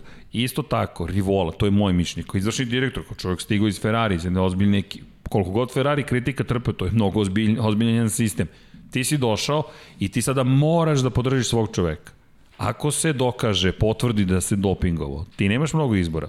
Ti prihvataš suspenziju i kažeš, sorry, mi ne možemo s tom da sarađujemo. Ali, dok 100% to nije završen proces. Mi smo uz tebe. I to je isto okej. Okay. Legitimno skroz. E, ti vidi, ja bih voleo kao vozač da znam da će neko da stane uz mene. Ja bih rekao, pa čekaj, ovo aprilije će da stane uz mene. Jer mi ne možemo da tvrdimo da se Janone namerno ili slučajno dopingom. Mi ne znamo šta se desilo dok se ne dokaže da si kriv, kriv, kriv. Smatramo si nedužan. Ok, VADA, to ono što si ti lepo rekla. VADA, Svetska antidoping asocijacija, kaže četiri godine, je li tako, ti mi ispreko grešem, minimalna kazna. Dakle, ti ne možeš da dobiješ kaznu manju od 4 Jer oni ne prihvataju slučajan doping. Mislim, baš mora da Tako da ima je. ozbiljne dokaze kojima će da pobije njihove, a on to nema. Nema. U ovom da, trenutku nema. Tako da ovo nije samo pitanje da li će njega da oslobode, nego pitanje da li će da ga dodatno kazne. Jer ako bude onako kako se pretpostavlja da će da bude, njegova karijera godine. je gotova. Da, završena karijera, ali ti moraš da sačekaš. To ono što, ti, što, što je moj utisak. Mi te nismo ostavili na cedilu tek kada dođe potvrda, verovatno će doći, ćemo reći žao nam je, što i treba da uradiš. Podržavamo našeg vozača kao čoveka Andreja, Andreji želimo samo uspeh u budućnosti, ali mi moramo dalje kao ekipa. I ti si sve odradio školski kako moraš ili bi trebalo da uradiš. I onda, do, to ne znači da ne vodiš razgovore ti već sada da nisi otišao i usputno popio kafu ili kao što je bilo Schaffnauer i, i, i Vettel što, što su slučajno otišli na pumpu. Mislim, besmislena priča. Seli smo zajedno u moj Ferrari, odvezi se da napunimo gorivo. Znamo da su to neformalni razgovori gde ti moraš da vodiš računa, ne ti ne ulaziš u pregovore, nego ja zamisli kad bismo imali mesto kako bi to bilo dobro sledeće godine. I onda Vettel kaže ja to bi baš bilo super kad biste imali slobodno mesto. Ništa drugo ne moraš da izjaviš. Nisi ti prekršen nikav ugovor. Samo si, kao što je Alonso počeo pregovor s McLarenom, kad je stajao na kraju sezone sa Ronom Denisom u Brazilu. Mislim da su oni gledali neki naš studio. Smo vi iz uh, Racing Pointa i Aston Moguće. Martina. Ali, ali, ali a, da, kada je reč o Kalu Kračlovu, ne znam, ja, da li bih volio da ostane ne. On je ličnost. To mi se dopada kod Kala Kračloj. To će nam nedostajati. Čak i to njegovo da odbije da da intervju i to što je svadljive prirode i mršti se, da li si stigla ekipa, nije stigla ekipa. Ok, sve to deo neke ličnosti. To je i sport, ali i show biznis. ali ovo što je Deki rekao, znači, toliko povreda, toliko problema. Nije Ja sam samo u- to, nego, do, izvini, dosta je padova, aprili trebaju čitave trke. Oni, oni moraju mnogo krugova da, skr, da skupe. Njima je to neophodno. Ja se plašim da bi on, on, bi, on bi takmičarski vozio to i... Da. Kao Zarko To u je- KTM. to je taj problem, On bi da, prelazio da, granicu da. koju ne Da, tebe ekipa da. očekuje. Dobro, ja znam, ali znam, ali, tebi ali bilo činjenice, žao. treba im brz vozač da bi, da bi oni mogli da znaju dokle su stigli s tim motociklom. Znači, treba im neko kvalitetan, a je sad vreme teče, izbor se sužava. Pa sve, Aprilija, Aprilija mora da i mora i po pitanju. Ja bih volio da Doviciozo dođe u tu ekipu, zaista, jer mislim da bi to bilo fenomenalno za sve. Za šampionat Doviciozo ostaje, mislim da bi za njega bilo dobro da može da, da, da na jednom motociklu koji može biti konkurentan, to smo videli, oni su imali probleme s motorom, oni su o, o, smanjili broj obrtaja na početku sezone i zato nemamo to što su imali na Yes. početku i oni su rekli kada prešimo pitanje ubrzanja, mnogo toga se ne vidi, ali vidi oni po 20 sekundi su brži nego što su bili prošle godine na, na trkama. To je fantastičan napredak, ljudi, to je svemirski napredak, to su Ali ja svakako skokovi. mislim da bi Doviciozo to mnogo bolje razvijao nego što rade Aleš Espargaro i, i Bradley Smith. Ja mislim da bi on bio savršen, jer ovo što Deki kaže, on bi i završavao trke i bio brz i znao Oni moraju da imaju podatke, to, mnogo podataka to, to, to. moraju da imaju. Mnogo obranutih točka. Kraj, kraj trke, početak trke, sredina trke, gume ove, gume, to mora da se ima. Mislim, oni su a sa nekim vozačem u šljunku u desetom krugu, to, to njima ne znači Što su ništa. ljudi obožavali ovog čoveka, Nikija Hejdena? Što su ga obožavali? Ti dovedeš Hejdena na dan, dan testa, Niki, treba nam 110 krugova. Važi. 110 krugova. Sto, ljudi, 110 krugova.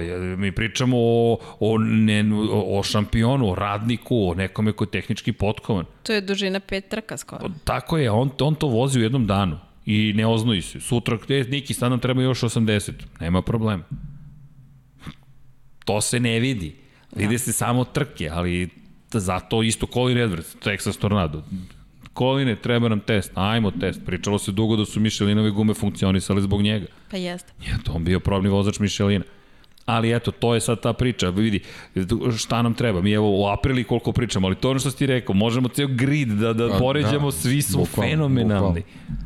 Ali imamo i druge gridove i zaista bih volao da posvetimo malo, jer vi, mislim da se dobro poznajem, ja mislim da bismo mi mogli da pričamo i pričamo i pričamo i pričamo i, i sad bih volao da ne propustim eventualno neku temu Moto Grand Prix, zašto? Pa či- čiste ljubavi, ali kad pogledam, e, čekajte ljudi, KTM, šta ćemo s KTM-om? Pa mislim Šta da bi? nismo pomenuli ni Honda. A dobro, Honda ne možeš ni da spomeniš Mislim, kako Aleksa treba. Markeza i ostalo. A hoćeš da ga spomenemo? Ali ja bih KTM. Ajde, kad Za koga ti navijaš? Pa za KTM. Dakle, eto, to krenemo odatle. Ali, pazi, neki je dobio tvoju stolicu. Trebalo je Narandžasta da ode tamo. Austrijanci. da, ali šta bi sa KTM-om? Ajmo, KTM, ljudi, izgledalo je to kao da ova trka bi trebala bude Ducati i KTM da se uključi u celu tu bitku. I sad kada pogledaš,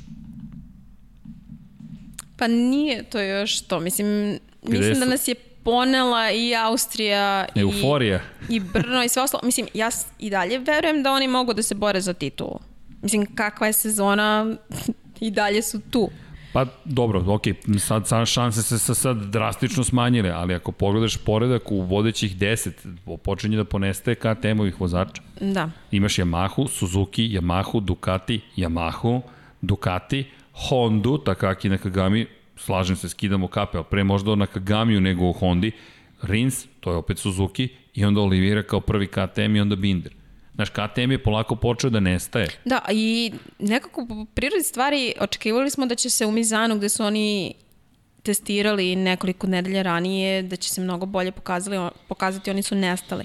Mislim, e, Paul je ove godine napravio previše grešaka za, za vozača kakav je on. E, ok, od Bindera smo mnogo više očekivali posle pobede, od Ja prvi. Oliveire takođe, ali očigledno ne funkcioniše sve Vidi, na, na svim stazama ja, kako ja ti, treba. Ja ti priznajem, ja od Olivire ne očekujem toliko. Poštujem mnogo sve što je postigao Miguel, ali ne očekujem tu konstantnost kao što očekujem od Bindera. Ali evo, Paul Espargaro, ovo je njegova kuća, ovo je njegov, tu je odrastao, to, to je njegovo. Treći, deseti, treći i nezavršena trka. Pogledaš Oliviru, nezavršena trka. Puno problema. Znaš, to, to je previše problema. Pogledaš, kažeš, čekaj, Iker Lekona, 2 pojena 14. mesto. Ok, neki rezultat i Binder tek 11. Posle svih problema koje su drugi imali. Pa dobro, izgleda da, da nisu sve, to što je Jeca rekla, nisu sve baš te kockice složene. Red Bull Ring ne možemo da uzimamo kao... kao ono što si rekao, kao milion ne, kilometara to, tamo da, odveženo. To je jednostavno pa dobri... bilo, bi, bilo bi neočekivano da tamo ne budu dobri, ovaj, ali očigledno da, da nije dovoljno samo da si snažan, da imaš dobro ubrzanje. Tu ima mnogo nekih elemenata koji treba da, da se spoje, ali oni rade na tome. Mislim, definitivno ovaj, uh, se vidi napredak. E, sad, što se tiče same Barcelone, videli smo, to su i, i drugi mnogo iskusni timovi imali problema da, da dođu do pravog setapa, tako da možda ne treba sad ovaj, toliko biti Nisam kritičan, kritičan prema njima. Ovaj... Meni je veći problem to što u, meni Barcelona kao Barcelona nije toliko problematična. Meni je Mizano veći da. pokazatelj da tu nešto ne funkcioniše. Mislim, njihove pobede nisu slučajne. Mislim, nisu ni pobedili, od te dve pobede ostvarili na istoj stazi. Jedna je na Brnu, jedna je u Brnu, jedna je na Red Bull ringu. Ali u Mizanu su oni među ekipama koje su najviše testirale. Seti se, bio je bila je rasprava pred e, Mizano zašto Jorge Lorenzo nije testirao u Mizano kada su svi ostali test vozači to radili i kada je KTM eto, imao priliku da testira.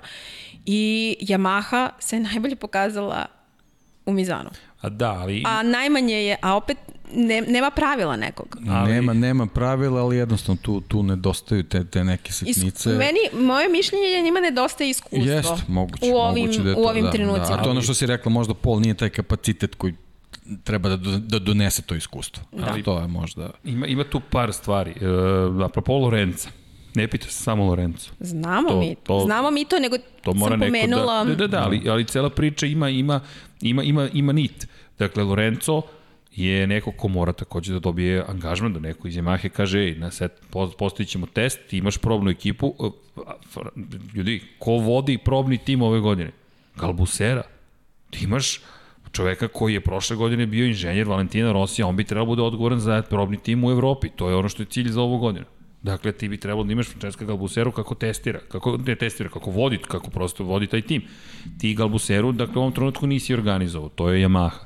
Nisi organizovao Jorge Lorenza, on čovjek kupuje Lamborghini, provodi se, njemu je lepo. Ok, tako treba da bude. Pitanje je da li će biti produžen ugovor naredne godine.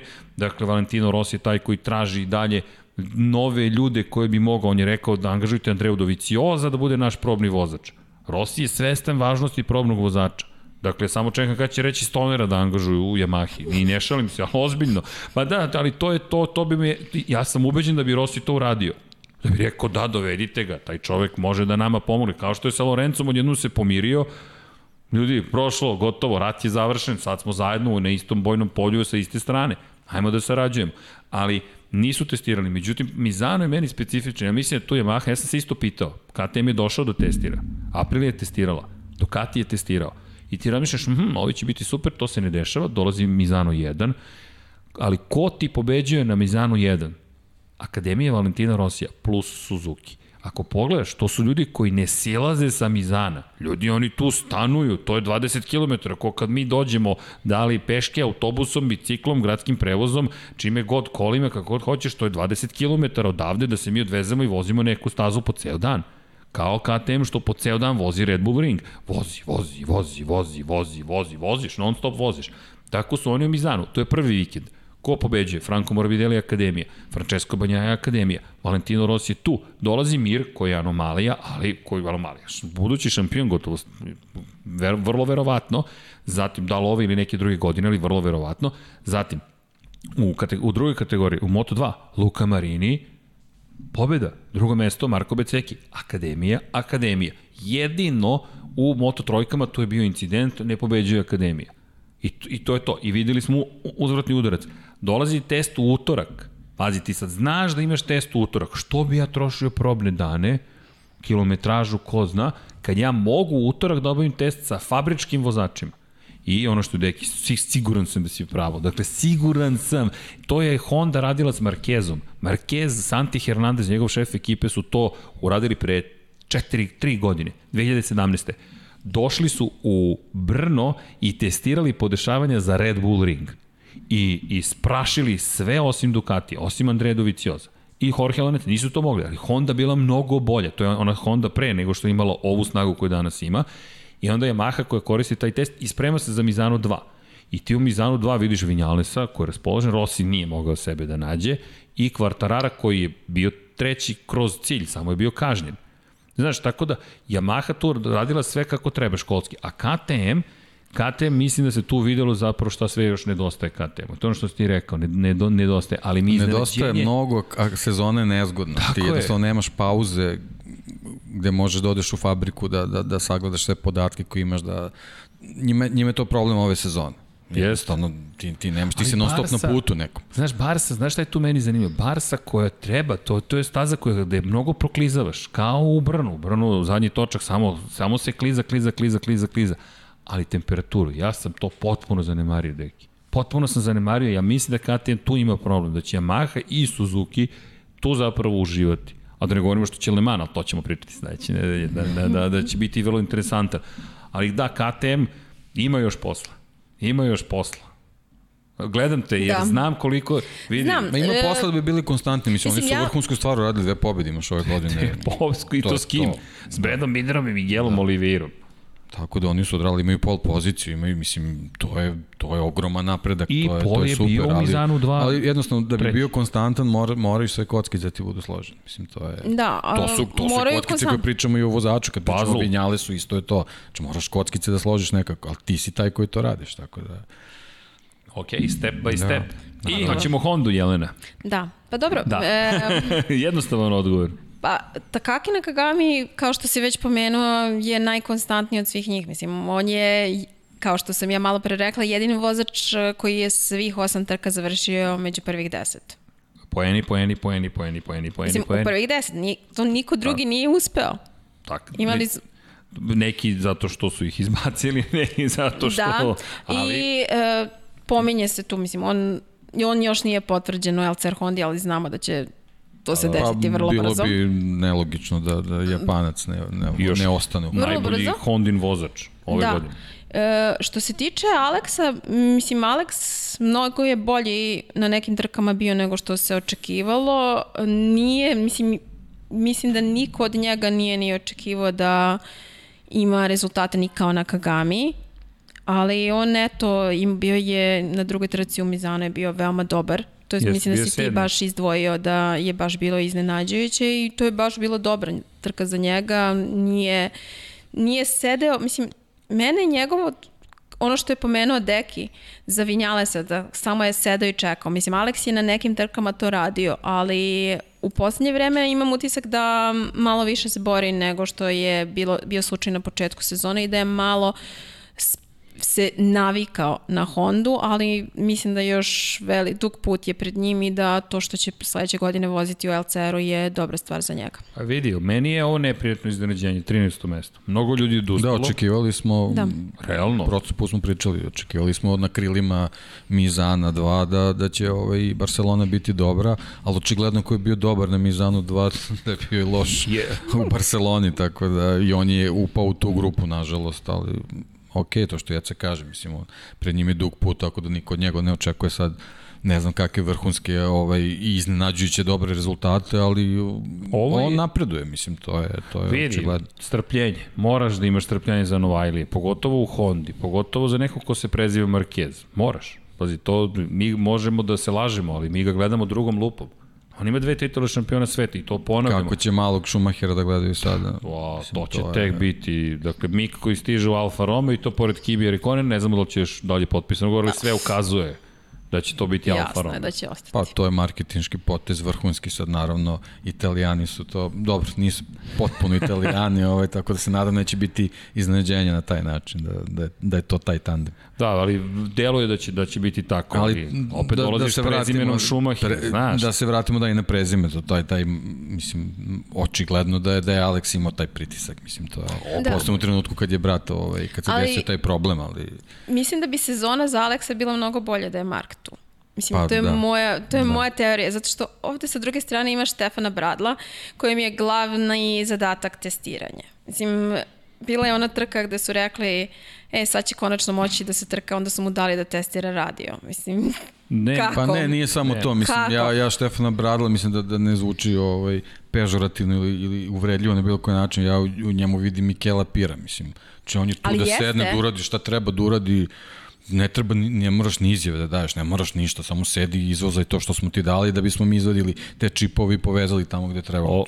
I onda Alex nema, nema reper, ono, ono, nema... Upravo to, zato što mislim da bi mu Nikakav i reper nema. to da je ima Marka za timu, timskom kolegu, em što bi više mogao da nauči na određenim stazama, em bi imao veću motivaciju. Nego No, što ima sigurno, sad. sigurno da će Vidi. njegova motivacija nije sporna tu, nego jednostavno on, on, on je upao u, u neki univerzum potpuno drugačiji, a nema potporu koju očekivao. A dolazimo do ovoga što je što je Deki sad spomenuo, šta šta je moj utisak? Dakle i ovo je ovo je najsurovija, ali najpreciznija zapravo najprecizniji opis za Bradla. Ne moraš ni izjave da daješ. Njemu skoro ljudi niko ne traži izjave. To je poražavajuće za nekoga ko se takmiči, ali suštinski to je fabri, to je probni vozač koji sedi tu i testira.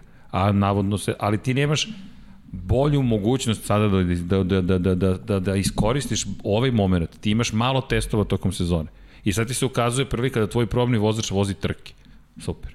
Vozi. Znamo da nećeš imati rezultate. Testiraj ovo, testiraj ovo, testiraj ovo, testiraj ovo. To je to, ne treba nam ni izjava. I slažem se, nema reper. Ko još nedostaje tu? Nedostaje ti Karl Kračlo. Da je Karl Kračlo zdrav, da nije povređen, e to je onda reper. To je isto fabrička Honda koja je onda Honda broj 1 koja ti daje neke informacije. Ti imaš Aleksa Markeza kao Hondu, ne broj 1, ali zašto Takaki Nakagami ne može da bude reper? On ima prošlogodišnju verziju Tako. Honda. Ne možeš ti da nam poslužiš. Dakle, ti si anomalija, ti si I ovo izuzetak. sve što si nabrojio u toj situaciji, Alex Marquez je vozač broj 1. On nikako nije očekivao ni u najluđim snovima da će biti u toj voziš i situaciji. to ni manje više Repsol HRC Honda. Pazi, HRC je najveća ekipa koja postoji u tom šampionatu. A op- Najveća. A opet mi je i malo čudno, mislim, u smislu da on je na početku sezone, to jest kad, kad je se sve desilo u Valenciji, testiranja, sve oči su bile uprte u njega. Kad je sezona počela i kad se Mark povredio, više niko nije obraćao pažnju na Hondu. I zbog toga bi ljudi ne malo više očekivali od njega, zato što sad nije više pod pritiskom. Na početku sezone je bio pritisak tu. Tu si sa svojim starijim bratom, očekuju ljudi svašta od tebe, šampion si Moto2 kategorije i odjednom eto dolazi Brad Binder i pobeđuje u Brnu. Vidi, a, a kada govorimo o Novajlijama, Brad Binder i, prošle godine su se Alex Marquez borili za titulu i došli su sa malim očekivanjima, ali Alex Marquez je, znaš kako, to je više meni priča o Marku Marquezu. Koliko svi gledamo, dakle, koliko mi zapravo svi gledamo u Marka Markeza da bismo mogli da posredno vidimo kogod da sedi pored njega. I ti isključiš Marka Markeza iz slike, a ko onda više gleda u Repsol Hondu? Pazi, to postaje relevantan tim. Ja mislim da je zato jednostavno su naše očekivanja manja, uslovno rečeno, od Aleksa Markeza. Mi, moje očekivanja su bila, ja, ja, meni se nije dopalo što ga dovode u tu situaciju. Jer mislim da ćeš da stradaš u toj situaciji. Za njega je ovo olakšanje i istovremeno otežanje situacije, jer postoješ broj 1, ovo što, Pa ne. broj 1.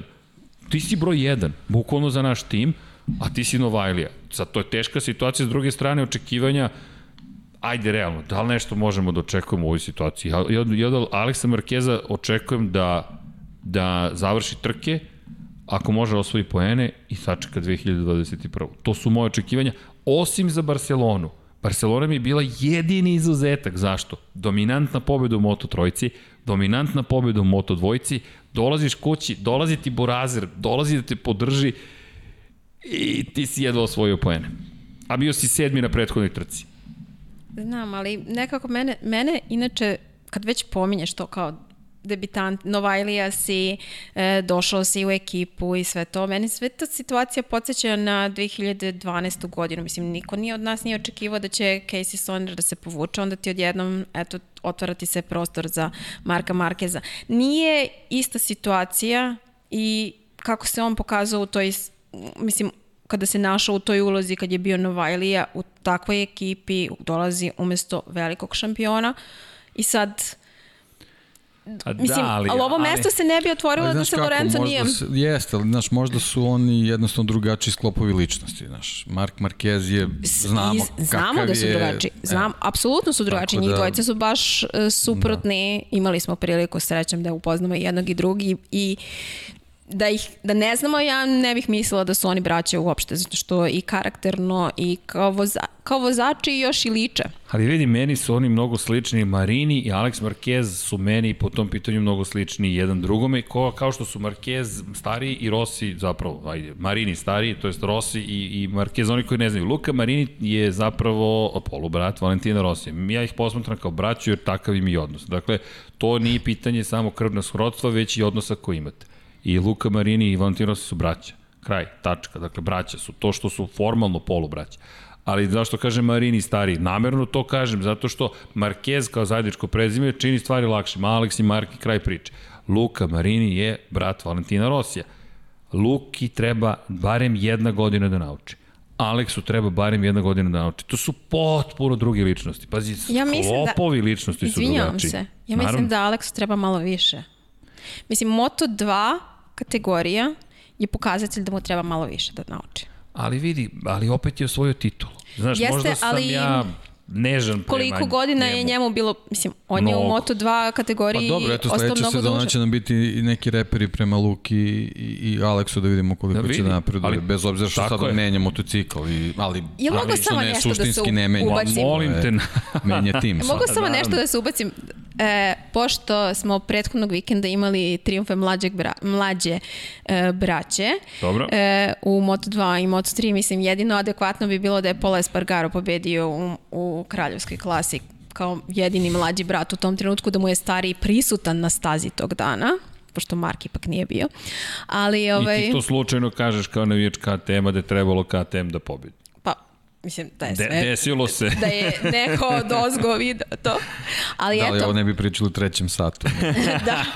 u trećem minutu. Minutu. ne, počeli bismo time. I ovaj podcast bi bio Mislim, potpuno drugačiji. da. A, onda bismo počeli time. Vidi, ne da bismo počeli, nego naranđasta da. stolica, mikrofon. Jej, sledeći put, Vanja, Onaj prsluk bi izgubio broj 1 tamo.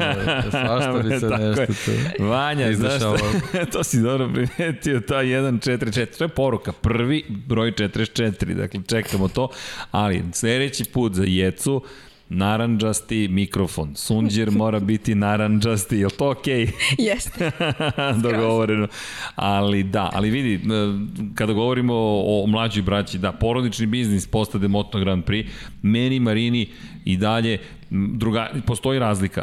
Za razliku od Aleksa Markeza, koji manje, najmanje čak pa, pažnje privlači sve četvorice. Marini privlači sve više pažnje. Ima tu vrstu harizme, ne Rosijeve, to je nemoguće, to je gotovo nemoguće. Niko nema tu vrstu harizme. Mark Marquez je najbliži koji je tome prišao, ali Mark Marquez je junak novih generacija. Dakle, generacije Z, eno, eno ga tamo, 90... Nije, nije, nije, dobro, nije, viče, Vanja nije moj junak. Ko je tvoj junak, Vanja? Rossi. ok, Valentino Rossi je njegov junak.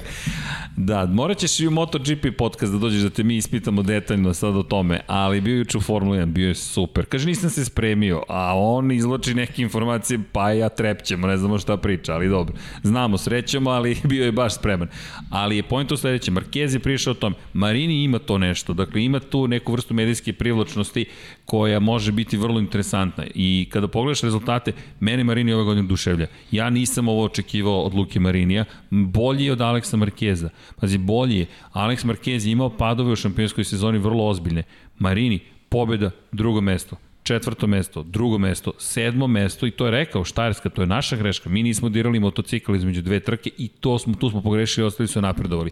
Zatim Mizano 1, pobeda, četvrto mesto u Mizanu 2, tu je Bastianini bio fantastičan i sada pobeda u Kataloniji. A još da se u Kataru nije desilo to što se desilo. Pa vidi, desilo se. Pa dobro. Bez poena si ostao, ok, ideš dalje, jednostavno desilo se, ali ajmo, Katar da da, da to mu je otpisano kao jedna je. trka. Ali vidi, to su to, to je sve, ali to je deo, to je to je sezona. Ali ako pogledaš, taj dečko je, je toliko konstantan, tako voze šampioni. I to ono što smo se deki pitali. I evo odgovor, dao nam je Marini odgovor. Kada pogledaš Marko Beceki, ja sam od Beceki očekivao mnogo. Sedmi prošao kroz cilj. Sam Lowe's, Odličan. Sam ponovo na drugoj poziciji, ponovo na pobjedničkom postolju i Speed up, speed up, dame i gospodo, Fabio Di Gianantonio. Ne, njihovi, njihovi rezultati su nam trebali malo da se razbije ovaj italijanski trio, ovaj koji je počeo, Jeste. počeo polako s odvoja, tako da sad ono zanimljiva je sezona, ali ja opet tu dajem prednost Marini, Beceki i Bastianini, no, oni su ovaj nekog Drže se. drže se i mislim da su oni oni ti vozači koji koji će izneti tu tu sezonu do kraja a Marini je ovaj prednost to što si rekao iz mog ugla deluje mi kao da drži stvari stvari pod kontrolom na svakoj trci Tako je. baš onako stvarno zrelo ovaj vozi iako moj moj favorit Bastianini pričali smo od početka ja ću mislim držaću se toga i Naravno, dalje 20 poena ovaj, i voleo bih voleo bih da dobije taj tu stepenicu više da da pređe u MotoGP čisto da da vidimo ovaj kako, Ja- kako će ja to sve da ga vidim kako tamo. će to da izgleda, ali eto, ja, ja ne, znam, ne znam da li će ishod sezone odlučiti ko će u Avintiju, ne, ne znam šta će biti ta, ta odluka. Ja mislim da je to sad politika. Da. Kao što i svi znamo vrlo dobro ko je iza Malo i kulisa politika i jači. financije i To je to. to je to. Pazi, to ti to. imaš jednog Rosija da. u svom ćošku da. i, i novac koji donosi i, i posredno to što si brat Rosija i neposredno tvoji rezultati. Znaš, to su ozbiljne stvari. Ti imaš ozbiljne neke rezultate koje, koje uspevaš da, da... Hajde, ti dolaziš do sledećeg. Poznat si po nečemu, a sada si i brz. Pa To je, to je fantastično. To, to, to je, to ne može bolje od toga. Ali, ako pričamo i o pravu, pa i o nekoj pravdi, ne volim da je spominjem, to je zahtevna kategorija, trebalo bi da postoji, Bastianini je potpisao neki ugovor. Tako je. Pa nije, Bastianini je potpisao neki ugovor. Da se vratim na Massima Rivolu. Zašto bih ja sutra verovao, zašto bih ja verovao ekipi Avinti kada potpiše ugovor sa mnom? Čekaj, vi ste potpisali sa onim dečkom i njemu ste rekli Ćao. I to... Da, to je za, za budućnost loš, loš da, imidž. Tako je.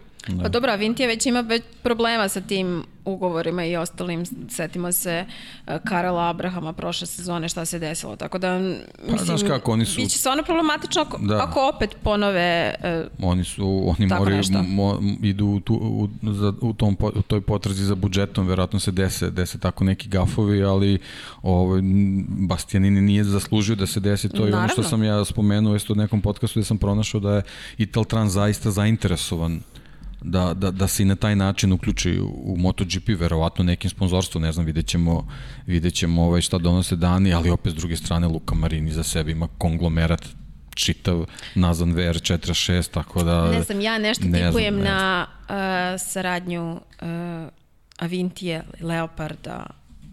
Hmm, to, to, to je veza koju sam spomenuo, spomenuo Da. sam te prošli put. Ti si baš pitala Kotura. otkud, le, Kotura, otkud Leopardi u rukama Enea Bastianini.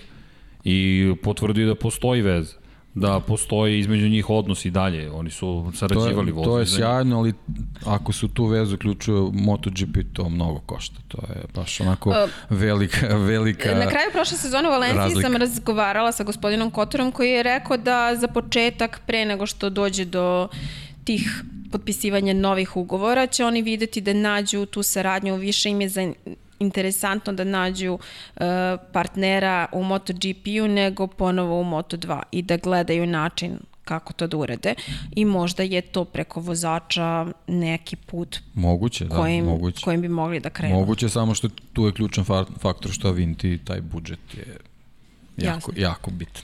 A inače, samo da se osvrnem na to, mislim, meni je iskreno mnogo žao što je Jorge Martin ispao iz te borbe za titul, zato što mislim da bi mnogo zanimljivije bilo da, Bilo bi da, sigurno, nije, da, da. da nije propustio te e, dve trke zbog pozitivnog testa na koronavirus i sad evo uz ovo odustajanje Pa ne, nažalost, delo se da ta korona, da, da to ovaj, ipak ostalo 75 traga bodova. na njega, nije, nije baš onako ovaj, 75 bodova, bezazleno bilo. Čekaj, da, to je već Jelena, imaš razlika. ovde dvojicu koje su, jel te, pregrmela COVID-19. Dakle, znamo vrlo dobro. Pričali Da. smo prošli put o tobi.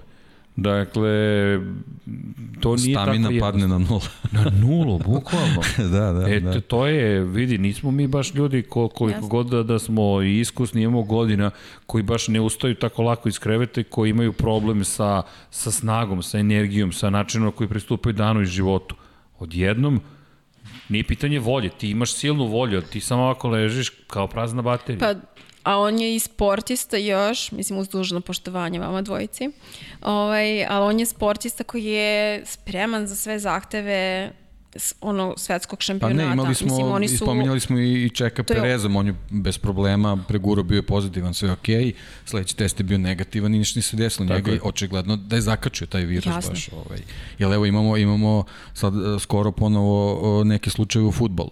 Znači desi se neki futbaler bude pozitivan, Ma na ne. sledećem je negativan, dok recimo neki, neki drugi A da ne pričamo o moraju tenisu. da naprave pauzu. Evo imamo da. sad situaciju u tenisu. Individualna je stvar, to da, je... To je, US Open i Roland da. Garros, šta se sve dešavalo, pošto je to sad u centru pažnje, da je nekim teniserima bio pozitivan, posle nekoliko dana negativan, e, da se desilo e, mislim da je neko bio pozitivan na US Openu, posle bio negativan, došao sad na Roland Garros, opet bio pozitivan. Da. Ne, Tako nego da hoću samo da pravila. kažem da, ali, ali pro, veliki procent onih koji su prošli bez ikakvih problema Jasno. i nekih težih simptoma, ali očigledno da ima mali broj ipak, iako su vrhunski sportisti i, u- i u odličnoj fizičkoj spremi i tako dalje, da se, da se jednostavno desi, desi da. se da im to zasmeta. Njega je nažalost to vezalo za, za dva mizana, ali vidimo i kad je bila pauza da nije da nije izgleda preguro, ne, mo, mislim ne znam, možda ovo odustajanje nije samo vezano za to, ali, ali mi nekako mi delo da nije bio spreman za ovaj trkački vikend. On se povukao u Da, da. garažu. Da, da, da, da. da. Vidi, ima sada priliku eventualno da se oporavi, ali COVID znamo koliko je, nažalost, problematičan. Niko ne zna koliko će trajati taj period bez snage. Nema koliko god podataka i, nažalost, sve ih je i na sreću sve više, ali niko ne zna zapravo kada bismo mi mogli da očekamo najbolje izdanje Jorge Martin. Slažem se s tom, treba ga spomenuti, ali znaš kako, sezona je, znali smo da će biti ovako. Znali smo da će neko se, nažalost, zaraziti. Prosto statistika to govori. Jorge Martin neverovatno, ali istinito čovjek koji se borio Ja za titulu nadam šampiona da, sveta. mislim, u ovih preostalih šest trka, što je sedam nedelja, je li tako? Tako je. Da se neće desiti nešto nepredviđeno, iskreno. Pa, da znaš kako, ali to, to se sad svodi opet na statistiku. Naravno. Koliko god se mi Da. nadali, mi, se, mi smo sada, grozno zvuči, svesti ljudi na brojeve, ali statistika je neumitna po tom pitanju. Neko će se zaraziti, samo ne znamo ko. Da, I ne to, znamo on je imao tu nesreću baš u nezgodnom trenutku i sad je baš velika razlika. Tako je. A i članovi Honda su da. se zarazili. Dakle, nemojmo Jeste. to zaboraviti. Dorna je brzo reagovala. Dakle, to je tema od koju smo malo stavili sa strane nekako ne, ja makar ne želim da ovo postane nikakva norma. Ovo mora, moja želja je da ovo bude anomalija. Godina anomalije koliko god dugo ja da imam, traje. iskreno, ja imam problem sa Dornom i načinom na koje se ona postavlja u ovoj situaciji. Iz prostog razloga što e, Formula 1 svake nedelje objavljuje koliko testova je objavljeno, ko je zaraženo, dakle, mislim, nema, transparentno je sve, nema sakrivanje podataka. I tako je od prvog dana pre nego što je šampionat počeo. MotoGP je pokušao da sakrije podatke. Imali smo uh, u kupu Novajlija, Da. da. jel tako, smo imali pozitivnu osobu gde, voz, vozača, e, gde oni nisu to objavili. Saznali, saznali su neki. Ja sam za Jorgea Martina znala da je pozitivan pa više od 24 sata pre nego što je da, to da, objavljeno. Da, da. Mislim, pre nego što je bilo gde... Svi smo zna... Mislim, Da. Svako ko je u tom svetu da. imamo informacije, a oni nisam htela da objavim dok tim, ne. jer zbog privatnosti Pa vozača i samo ostalog. privatnosti, pazi, to, to je nažalost se u, u novinarstvu se izgubila potvrda drugog izvora. Da, dakle, neko staro pravilo, pa i zakonom bi trebalo tako da postoji, kada imaš dva nezavisna izvora informacije, imaš pravo da objavljuješ informaciju. Inače pišeš, spekuliše se, ga Jasno. trači takav i takav, ali da kažeš, staneš i svojim imenom i, i publikacijom koja stoji za tebe i da kažeš to je tako, to mora, mora da postoji dva nezavisna izvora. Još jedna stvar, dakle, postoji taj takozvani medijski embargo. Šta je medijski embargo? Kada nas mediji obaveste o nečemu, ali kažu embargo je stavljen na ovo, zašto? Ne možete da objavljujete do tog i tog momenta jer je takav dogovor, ali vas mi, u- po- mi vam unapred javljamo da biste mogli bolje da pripremite neku priču. Redko se to dešava sa ovakvim stvarima, više kada se saopštava ko je potpisao ugovor, na primjer, ali to često naše kolege ne ispuštuju, pa onda putem nekog, eto, mi smo pustili i to da. Ali šta je pojenta? Pojenta je moramo da budemo oprezni, jer to je ozbiljan trač. A tračevi da. su ozbiljan problem. To ne može tek tako, pogotovo mi moramo da budemo odgovorni. I, i ono što se ti lepo dotakla jeste transparentnost. To ne postoji. Dakle, zbog, koje su objašnjenja kazni koje deli Dorna? Formula 1 je vrlo detaljna po pitanju kazni. Svi dobijamo ta saopštenja. Formula 1 kaže zbog ovoga, ovoga, ovoga, ovoga i ovoga prekršaj tog i tog člana. Da li se mi slažemo ili ne, to Nije bitno, ti dobiješ taj član pa ga protumači pa pogledaj da li je, da li je sve okej. Okay. Tako je. Ali MotoGP, mislim, mi stalno pričamo kako je MotoGP u nekim stvarima pretekao Formulu 1, a u nekim stvarima mora još da uči. I to je poenta tih oni objašnjavaju zašto je neko kažnjen zato što je izašao e, na zelenu površinu ali. i ostalo, ali daj, Vidi, to objasni je, to mi zašto. To je pritisak medija. Dok mi zajedno ne izvršimo pritisak na Dornu i ne samo mi, već i javnost i vozači, neće to raditi. Dakle, ja ne vidim da će neko sada promeniti to, ali to se se zove pritisak javnosti. Dakle, to je, jeste, to je i ovo što sada radimo, je neka vrsta pritiska. Neki mikro pritisak, on je pritisak. Dakle, hvala ti što si tu temu dotakla, jer to jeste važna tema. I drugi problem sa Dornom je to kako se ponaša prema novinarima. Mislim, na stazama i ostalo. Mislim... Vidi, ti i ja ne treba da se previše žalimo, mi imamo mega tretman. Dakle, ljudi, tretman je vrlo jednostavan. Koji je jedini medij, jedini koji plaća da bi zapravo prenosio informacije o Moto Grand Prix?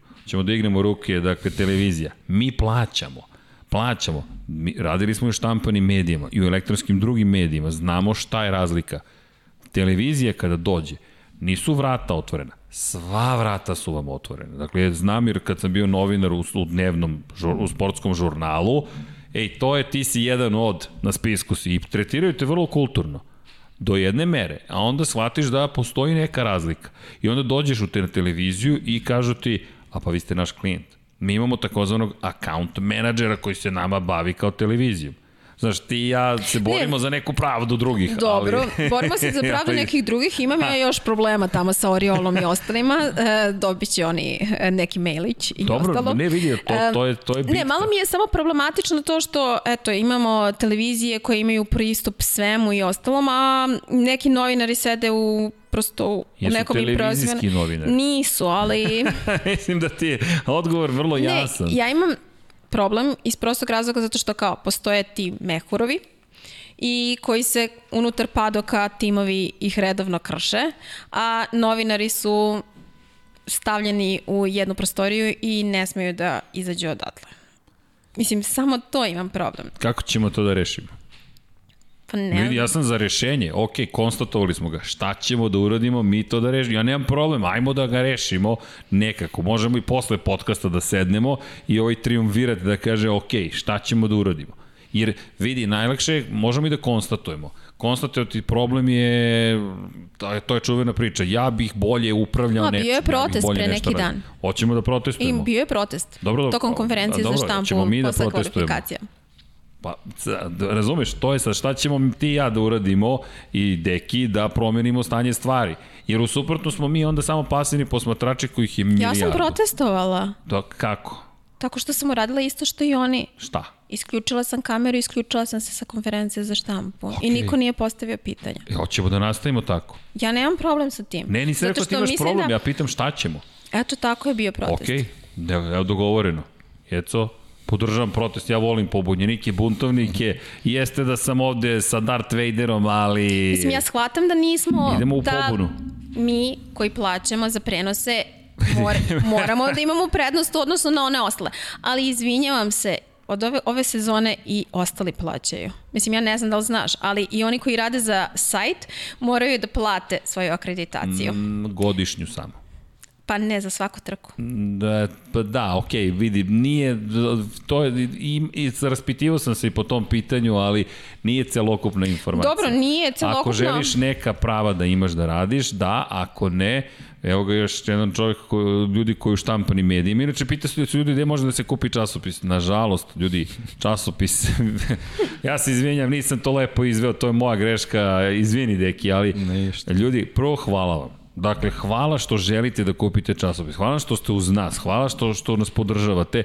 Nažalost, ja, deki, ja se smemo, nije, nije opstao. Nažalost. On nije opstao, ali ako ima interesovanja, lako ćemo i da... Ne, pokrenut ćemo ga da znate. A, naravno, da znate. Ne, ovo je davno, ali, davnašnja priča, stvarno. Ovo je jest, priča od pre 18 godina. Jeste, pre 18 da, godina. Da, da. Samo je dobro očuvano, deki da, to lepo da. čuva, čuvamo i mi. Ali da se vratim na ovo, ne bežimo teme, naprotiv. Zavisi šta želiš da radiš, zavisi za koga radiš, zavisi zavisi šta ti je plan da emituješ, da li je video, da li je audio, da li je samo fotografija, da li je samo tekst, To su pitanja koje tebe Dorna pita i zavisnosti od toga šta želiš da dobiješ, imaju neki svoj cenovnik. Što se tiče plaćanja, da, mi znam na šta impliciraš, sad smo otvorili neku temu, nije lepo da vam ne ispričamo sve, ali smo u kontaktu sa nekim našim kolegama koji su otvorili neke teme i te teme su problematične. Dorna ih izbegava, ne daje odgovore na to, ali za mene je tu, znaš kako ja to posmatram? Ja to posmatram kao i većina tih stvari. To je neka trgovina. Dakle, neko nešto želi da dobije. Ko taj neko želi nešto da dobije, šta želi druga strana da dobije, ko će kome šta da da. I od ljubavi do mržnje, to tako ide u biznisu. Ja sam ovo načela slažem. iz prostog razloga zato što uh, je sama Dornaš po pitanju tih mehorova. Meni je najveći problem to što su ljudi iz Dorne napravili problem. To je zato što su oni prekršili to. Napravili su, mislim, oni su se družili između sebe sa ljudima iz drugog mehura i ostalog. I neko ih je uhvatio tome. I to je bilo okej, okay. oni su to objavili na Instagramu i kad ih je neko pitao zašto ste, kako to može, a ovo ne može, uh, onda je čovek banovan praktično. Pa vidi, znaš šta je tu sad problem? Ili imamo mi dokaze za to? Da. Znači imamo dokaz. Da, postoje eno slike na društvenim mrežama. Ne, ne, ne za ponašanje, nego da je on banovan. E, da. Ha, ili... Izbačen je sa konferencije za štampu tog dana. Je li to dokaz? To je ono što pokušavam ti kažem. Kako ćemo da se borimo? Možemo da pružimo solidarnost. Jasno. Ali da iznesemo optužbu da su oni to uradili, nas dovodi u zakonski problem. Slušaj, kada se to da konektuješ da na kažem. Zoom ne, ne, i neko te izbaci, izađe ti... Šta ti izađe? Da, da, si, da te je moderator izbačen. Ok, i može taj moderator da kaže to se slučajno desilo. Tehnički problem. Pa pokušaj opet. Nije dokaz, Jelena, nije na sudu se Dobro, to na sudu ne... nije. Ti si nas upravo ovde potencijalno izvukla na sud, čisto da znaš. Dakle, ja pokušam to da ti kažem. Dakle, mi smo sad izneli ozbiljnu optužbu pred nekim. I ovo je meni super što si pokrenula ovu temu, jer je potpuno bizaran podcast iz te perspektive. Ali šta hoću ti kažem, mi to ne možemo da dokažemo. Samim tim, mi možemo da kažemo da postoje ozbiljne sumnje i da imamo dovoljno dokaza da mi smatramo da to tako ne treba da se radi. Ali mi ne možemo da budemo sudija. Dobro, niko, pa nismo mi sudija, svat stvar. vidi, vidi, ja, ja te podržavam, ja obožavam što si ovu temu pokrenula, ali samo pokušam ti kažem da postoji način kako to da uradimo. I meni se dopada što su sve kolege rekle, aj se pogasimo. Zato što sumnjamo da ste uradili nešto. Ne smemo da kažemo vi ste to uradili, jer onda smo mi... Zato što sam ja sigurna da on nije jedini. Mislim, nije jedini prema Odlično, prema, evo, ja prema mislim da smo našli priču. Dakle, idemo, idemo u istraživačko novinarstvo. Ozbiljno znači, ti kažem. Jedini, nije jedini prema kojem imaju takav tretman, zato što ljudi, mislim, svi mi imamo pristup društvenim mrežama i možemo da vidimo šta se dešava. I svima nama je bilo jasno i tekako. Ali vidi, to vidi, znaš kako meni to zvuči, sad izvini, deki, odo smo mi ovde u pravo i pravdu, ali znaš o čemu je tu stvar? Ja te zaista, ja obožavam što si ovo rekla, ali tako, to je kao malo dete kako zamišlja kako pravda funkcioniše. Jasno mi je. Ne ti, generalno naše kolege, to tako ne funkcioniše. Moja ideja je sledeća, ajmo istraživačko novinarstvo. Aj stupimo u kontakt sa svim kolegama i pitamo da li ste doživjeli to, to, to, to, to, to, to i to. Skupimo dovoljno materijala i onda napravimo članak koji govori o tome. Prevešćemo ga na engleski objaviti i ako kolege stoji za toga, oni će da retvituju i mi, ne, to je engleska verzija sport kluba, će dobiti na popularnosti. Vidite, to je globalni fenomen, to je globalna stvar e, društvene mreže su loše iz jedne perspektive što ti kada pogledaš zloupotrebu društvenih mreža je problem, ali upotreba društvenih mreža kao što je ovo može da ti omogući da ti iz, iz studija na kraju, drugom kraju univerzuma kažeš sad ćemo da menjamo svet ajmo to da uradimo. Popišemo sve i kada stupimo u kontakt sa svim tim kolegama i napravimo priču. Zajedno sa gospodinom da, kojim znam, neću da ga implitno ovde da ga uvlačim prosto u priču, ali znamo o kome govoriš. Sednemo i kažemo, evo je priča, mi ćemo da je izbacimo napolje. S tim što, mi moramo takođe da budemo svesni I to je, nije pitanje pravde. Da može da nam se desi da onda sutra se neki odnosi promene. E, to je sad pitanje Znaš kako, često mi se dešavalo, ljudi izađu i kažu, meni se desilo to, to, to i to. Erceg, borimo se za pravdu. I Erceg izađe da se bori za pravdu i ti svi koji su doživjeli probleme, puf, nestanu. Nestanu, jeco. Ja sam stojim pred šefom i "E, vi ste bili nepravedni prema nama. A ovi što su u problemima, jao, pa znaš da ti objasnim, ali imam kredit, imam ženu, dvoje dece, jao, ja bih tako bio uz tebi, ja ne znam zašto ljudi imaju problem sa tobom, ali danas ne bih mogu da te podržim. Znaš, to je, aj ti jeco istupi javno. Aj ti jeco istupi javno, evo ti si istupila javno. Evo ja ću da pošaljem link i kažem evo Jelena istupila javno, hoćeš da retvituješ i da pričaš o njoj. Nemoj se iznenaditi ako bude u vidu dima. Puh, nestala cela priča. Mislim, Ja sam je, nego ti kažem, Vidi, ti e, mnogo ja sam pokrenula to zato što mislim, ja sam pokrenula zato što mislim da Dorna uopšte ne funkcioniše transparentno u većini situacija. Super, to a znamo. ova situacija ove godine nije bezazlena. Mislim, baš nije Ma bezazlena. nije bezazlena. Mislim, sve je samo ne to. Jeste, ja ti samo kažem, ajmo da smislimo kako ćemo. Ajmo ne, da ne izađemo na livadu ko, ko jurišnici. "A, nije, mi smo stigli." Apsolutno. Ne, nego sednemo i napravimo plan. Evo sad smo im izneli plan javno. ali, Zna ali, li neko srpski tamo? Pa, vidi, prevešćemo, nije nikakav problem. Ali šta ja pokušam da ti kažem, sve je to časno i služiti na čast. I divno je što pokušaš to da izvedeš. I to je super. Samo što to tako obično ne funkcioniše. Iz mog iskustva stvari drugačije funkcionuju. Gde odosmo, nemam pojma. Ajmo da se vratimo na stazu, ali, ali ajmo ovako. Dakle, Koliko trajemo? Nemam pojma, do dva i po sata ćemo vjerojatno da pogodimo otprilike. Deki, izvini, znam da te parking ti je istekao, morat ćeš da nađeš neku drugu zonu. Kaznu mi plaćamo. I Vanja, ja plaćam kaznu, dakle, evo, ja sam kriv, ja sam host danas, dakle, moja krivica.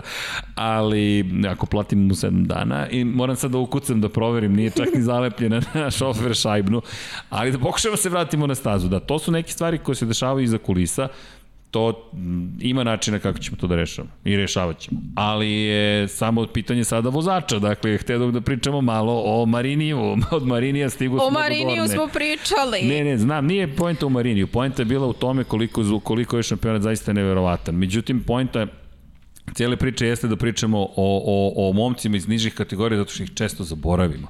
Ajo Gura, na primjer, Ajde, pređi. vodi, da, ali Ajo Gura, na primjer, vodi u šampionatu sveta. Što si slično ti da- predvideo? Da, ali nisam baš način predvideo, ali na način na koji je Andrea Dovizioso došao do vođstva. Je Gura odvezao najlošiju trku ove sezone, čovjek je preuzeo vođstvo. Incident se desio, opet, gled- pogledaš situaciju John McPhee koji napada za poziciju prerano, prebrzo, preagresivno, gubi kontrolu motociklom i kao Zarko što izbacio Dovizioza, izbacio Alberta Arenasa. Izbacio Alberta Arenasa, mi imamo preslikane situacije, a Jogura koji je koji, koji ne, ne postoji, njemu tim šalje poruku attack, ubrzaj, pojačaj, napad, nešto učini i ti pogledaš i kažeš gde će Ogura? Nema Pa, ga. to je ono što smo pričali, mnogo je fin. da, da, tako, ovaj, da ga tako ovaj, okarakterišemo. Što se tiče Arenasa, mislim, nije mu prvi put da, da, se dešava, da se dešavaju takve situacije i ja bih ga tu povezao sa Doviciozom. Znači, moraš da uzmeš stvar u svoje ruke. Mislim, mi smo na početku pričali sezone, mnogo je stariji, iskusniji, ne spada u tu kategoriju, ali, ali moraš da preuzmeš, da nije dovoljno sad da ti kao nešto držiš situaciju po kontrolom u smislu da se negde peti, šesti. Pred poslednji krug Tako je. Tako i onda čekaš svoju situaciju. Ali nije prvi put. To se, Nije prvi put. To se Pričali u smo o Mizanu desilo. Znači, ne možeš da, da, da, da radiš ovaj, takve stvari ako se boriš za titulu, pritom si imao veliku prednost koja se potpuno istopila. Da. Sad zaostaješ da, 3 poena, da, ali da, 3 da. poena. Pri čemu me, mentalitet koji ti je sada? Moraš da Psihološki. preuzmeš inicijativu. Ali, a pazi, šta je srećna Kao sediš i čekaš, to, to ne pije vodu. ko isto ne preuzima inicijativu, a i Ogura. Da. Ovo je opet isto isto prvenstvo kao Jeste. Gotovo jednom momentu u Moto Grand Prix. Ljudi bez inicijative. I to je ono što je što je bilo priča o što je Casey Stoner govorio o MotoGP-u prenosi se ovde na Moto3. Niko se nije nametnuo, niko nije izašao i rekao ovo je moja titula, ovo je moj Evo šampion. jedno ispadne u, u toj konkurenciji ispade da je, da je McPhee u stvari neko ko, ko, Ko jedini- najviše pokušava. Znači on je u Herezu probao u Jest. poslednjoj krivini da dođe do nekog boda više, sad je probao Mislim, Pa, prvi nije put to izbacio baš samo možda, sebe, da, nije sad baš najbolji sebe i drugi. način, ali on je jednostavno čovjek koji u trenutku kaže daj čekaj sad ću ja da ustanem i sedla i da, da pobegnem, da odem negde napred. Tako je. Znaš, ne, ne, mislim, generalno ta kategorija, to sam i prošli put, onako teo da se našalim, pa nekako ta kategorija najviše liči na biciklističke trke. Znači, moraš da iskočiš iz sedla i da pobegneš grupi, mislim, ako Jasno. misliš da nešto uradiš, ne možeš da se voziš kao neki peti, šesti i sad očekuješ da će neko tu da te povuče i da Ali- se ništa ne desi. Ali ove sezone nemamo tog. Mi nemamo ni Nema, jednog nema, ko će da krene Kažem ti, i meni je tako vozi delo na kao- početku, Arenas mi je delo na početku da je to to, ali kao, ajde, nema veze, mislim, stari je, o, o, potpuno je očekivano da on to uradi, međutim, sad i on se utopio tu neku To priču. su one Lorencove trke.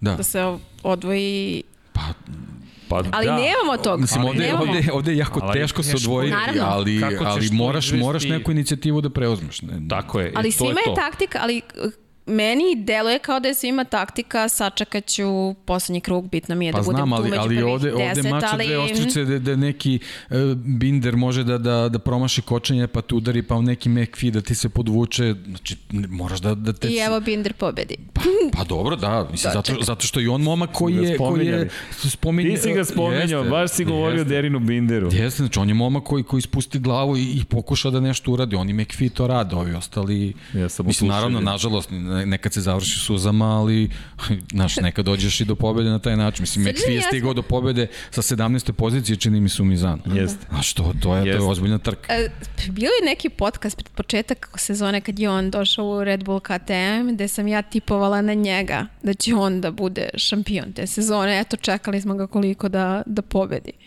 Pa dobro, pazi. A dobro, takva je vidi, kategorija, takva ne Pa to znam. je, ne, nezahvalno ne, ali on ide u Petrona sledeće godine, Da. znaš, otvorit E, da, se to sad zanimljive već priče. no excuse. Da, to, to, To pa to, je- a i tu imaš i jasan, jasan cilj. Posledno što Petrona sledeće godine čitava priča oko Petronasa postaje mnogo ozbiljnija. Znači ti dolaziš, Imaš Valentina moraš da Rossi. imaš lep kombinezon, moraš da uz budeš sebe. doteran. Znaš, Kosica. Nema, kosica, Čekaj, nema klopski tu, kolega? da, nema tu kao bojštine više. Tražit će, mislim, s obzirom na to da je i Morbidelli ovaj, u Petronasu, tražit će njemu neke savete što se tiče kosice. Moguće, moguće da će bude, da. Pa da, ali, ali ti kada pogledaš da, da imaš jednog Rosija pored sebe, ti na prezentaciji stojiš sa Rosijem, pa onda Morbidelijem, pa onda imaš Čavija Vjerhe, ne znamo još da će ostati Jake Dixon, pretpostavljamo da hoće, ili će možda doći John McPhee, a Dixon ko zna gde će. Dakle, ti imaš si to, Čavija Vjerhe sigurno ostaje, i onda dobiješ Derina Binder u celoj i verovatno Pavija ili nekog drugog momka iz Malezije. I oni treba da dobiju podršku, ali pogledaj koliko je Petronas promenio svoj identitet od ekipe koja je platforma za malezijske vozače, imaš Italijana i Italijana u MotoGP-u, dakle rezultati pre svega. Britanca i, Fra i Španca u Moto dvojkama i Južnoafrikanca i Malezijca u Moto3 kategoriji. A Britanac u onom kontekstu kojeg si spomenuo, Britancu MotoGP-u. Tako je. McPhee je... Vi njemu trasiraju E, put. on je Da. u Škotskoj je na naslovnoj strani novina izlazio premijerka. mu Premijerka čestitala. To su, to su ozbiljne stvari. Mislim, deluje ovako kao sad neki ove anomalije što ti kažeš, ali to su ozbiljne stvari Tako kad, je. kad neko tako prepozna tvoj uspeh. McPhee je dobio budžet, neću da imenujem, pošto imamo izvor, ali mogu da vam potvrdim dakle, da je preko milion evra bio bud- budžet na godišnjem nivou. McPhee je dobio taj budžet kao čovek u jednoj ekipi britanskog tima talenata. Britanski tim talenata imao preko milion evra budžeta za tu sezonu. Samo jedan vozač. Dajte nama 500.000, imat ćemo dva. da. Nemojte ništa da brinete. Ali, ali, ali ti, ti onda posmatraš koji je novac u pitanju. Koje je tržište u pitanju. Mi nismo ni blizu tog tržišta. Mi nismo ni blizu tog tržišta. Dakle, m, da- volio bih da vam kažem da je drugačije, ali da citiram naše kolege, hajde, nisu mi dali dozvolu, baš spom, neću da spomenem ko je, sređene, srećom da još nisu otkrili u Aziji MotoGP. Da otkriju, kako treba, Ma mi nećemo imati mesta za kabinu više u Moto Grand Prix, bukvalno, zato što taj novac koji se tamo vrti, kada govorimo o Indoneziji kao tržištu, kao Maleziji kao tržištu, to ne postoji, Italija i Španija u Evropi i to je to. To je otprilike to. Ima Nemačka, ok, ima Velika Britanija, ali na, na, na ovaj deo dakle, mora da, da se posmatra kao Balkansko poluostrove, kaže, e, samo zajedno mi možemo da postavimo neko tržište. Pa dobro, tako. pokušat ćemo. Pa vidi, mi ne odustajemo od naše ekipe, 69, pričao sam o tome kako je nastala, kako je nastao, nastao naziv, ali da. Dakle, imamo mi još, inače još jedan šampionat, ne znam da li da vas obradujem ili da kažete dosta srđane, ali runda broj 2 je odvežena u čemu? U Moto E igricama, to jest u E Moto Grand Prix šampionatu, ali staću ovde s obzirom na činjenicu da smo baš uh, vredni danas. U svakom slučaju i njih ćemo ispoštovati, nećemo zaboraviti, a ja sam ostao dužan bolesti, selidbe, ludila i tako dalje. Da, da, ne, ne, ovde Dom Pablo je zaboravio kodovi kodovi. To nije sve podeljeno. Dakle, to, to je kod mene i moram da vam to sve razdelim. Tako da, budite tu. Juče smo podelili kačkete, ne kačkete, majice Red Bulla u Formuli 1. Danas nemamo poklone za MotoGP ali ćemo nabaviti nešto, ne znam kada tačno, ali ćemo nabaviti. E, majice, pitali su mnogi za majice, čekaj. Jelena, izvini, ovo su samo probni modeli, imao sam muške verzije, tako da jeste da moramo da učemo stomake. Hvala ti na tome. Ali da, dakle, i biće, biće, biće u prodaji. Dakle, završamo to što je pre moguće. Ni, plan nam je bio prosto eto, da, da, da, da ih napravimo prvo za test, ali su nam se svideli pa smo ih odmah obukli. Tako da, hvala Ivanu koji je bio zadužen za taj deo cele priče. I hvala vama. Hoćemo da otvorimo još neku temu. Mislim da smo ne da znam, je jesmo krenuli ili smo... Čekaj, čekaj, ovo mi je novi pozdrav. Peščani sat je davnosti. da, da, vidi. Ljudi, hvala još jednom. Jeco, mi se vidimo verovatno uskoro. Dakle, Ne znam, ne zavisi od mene.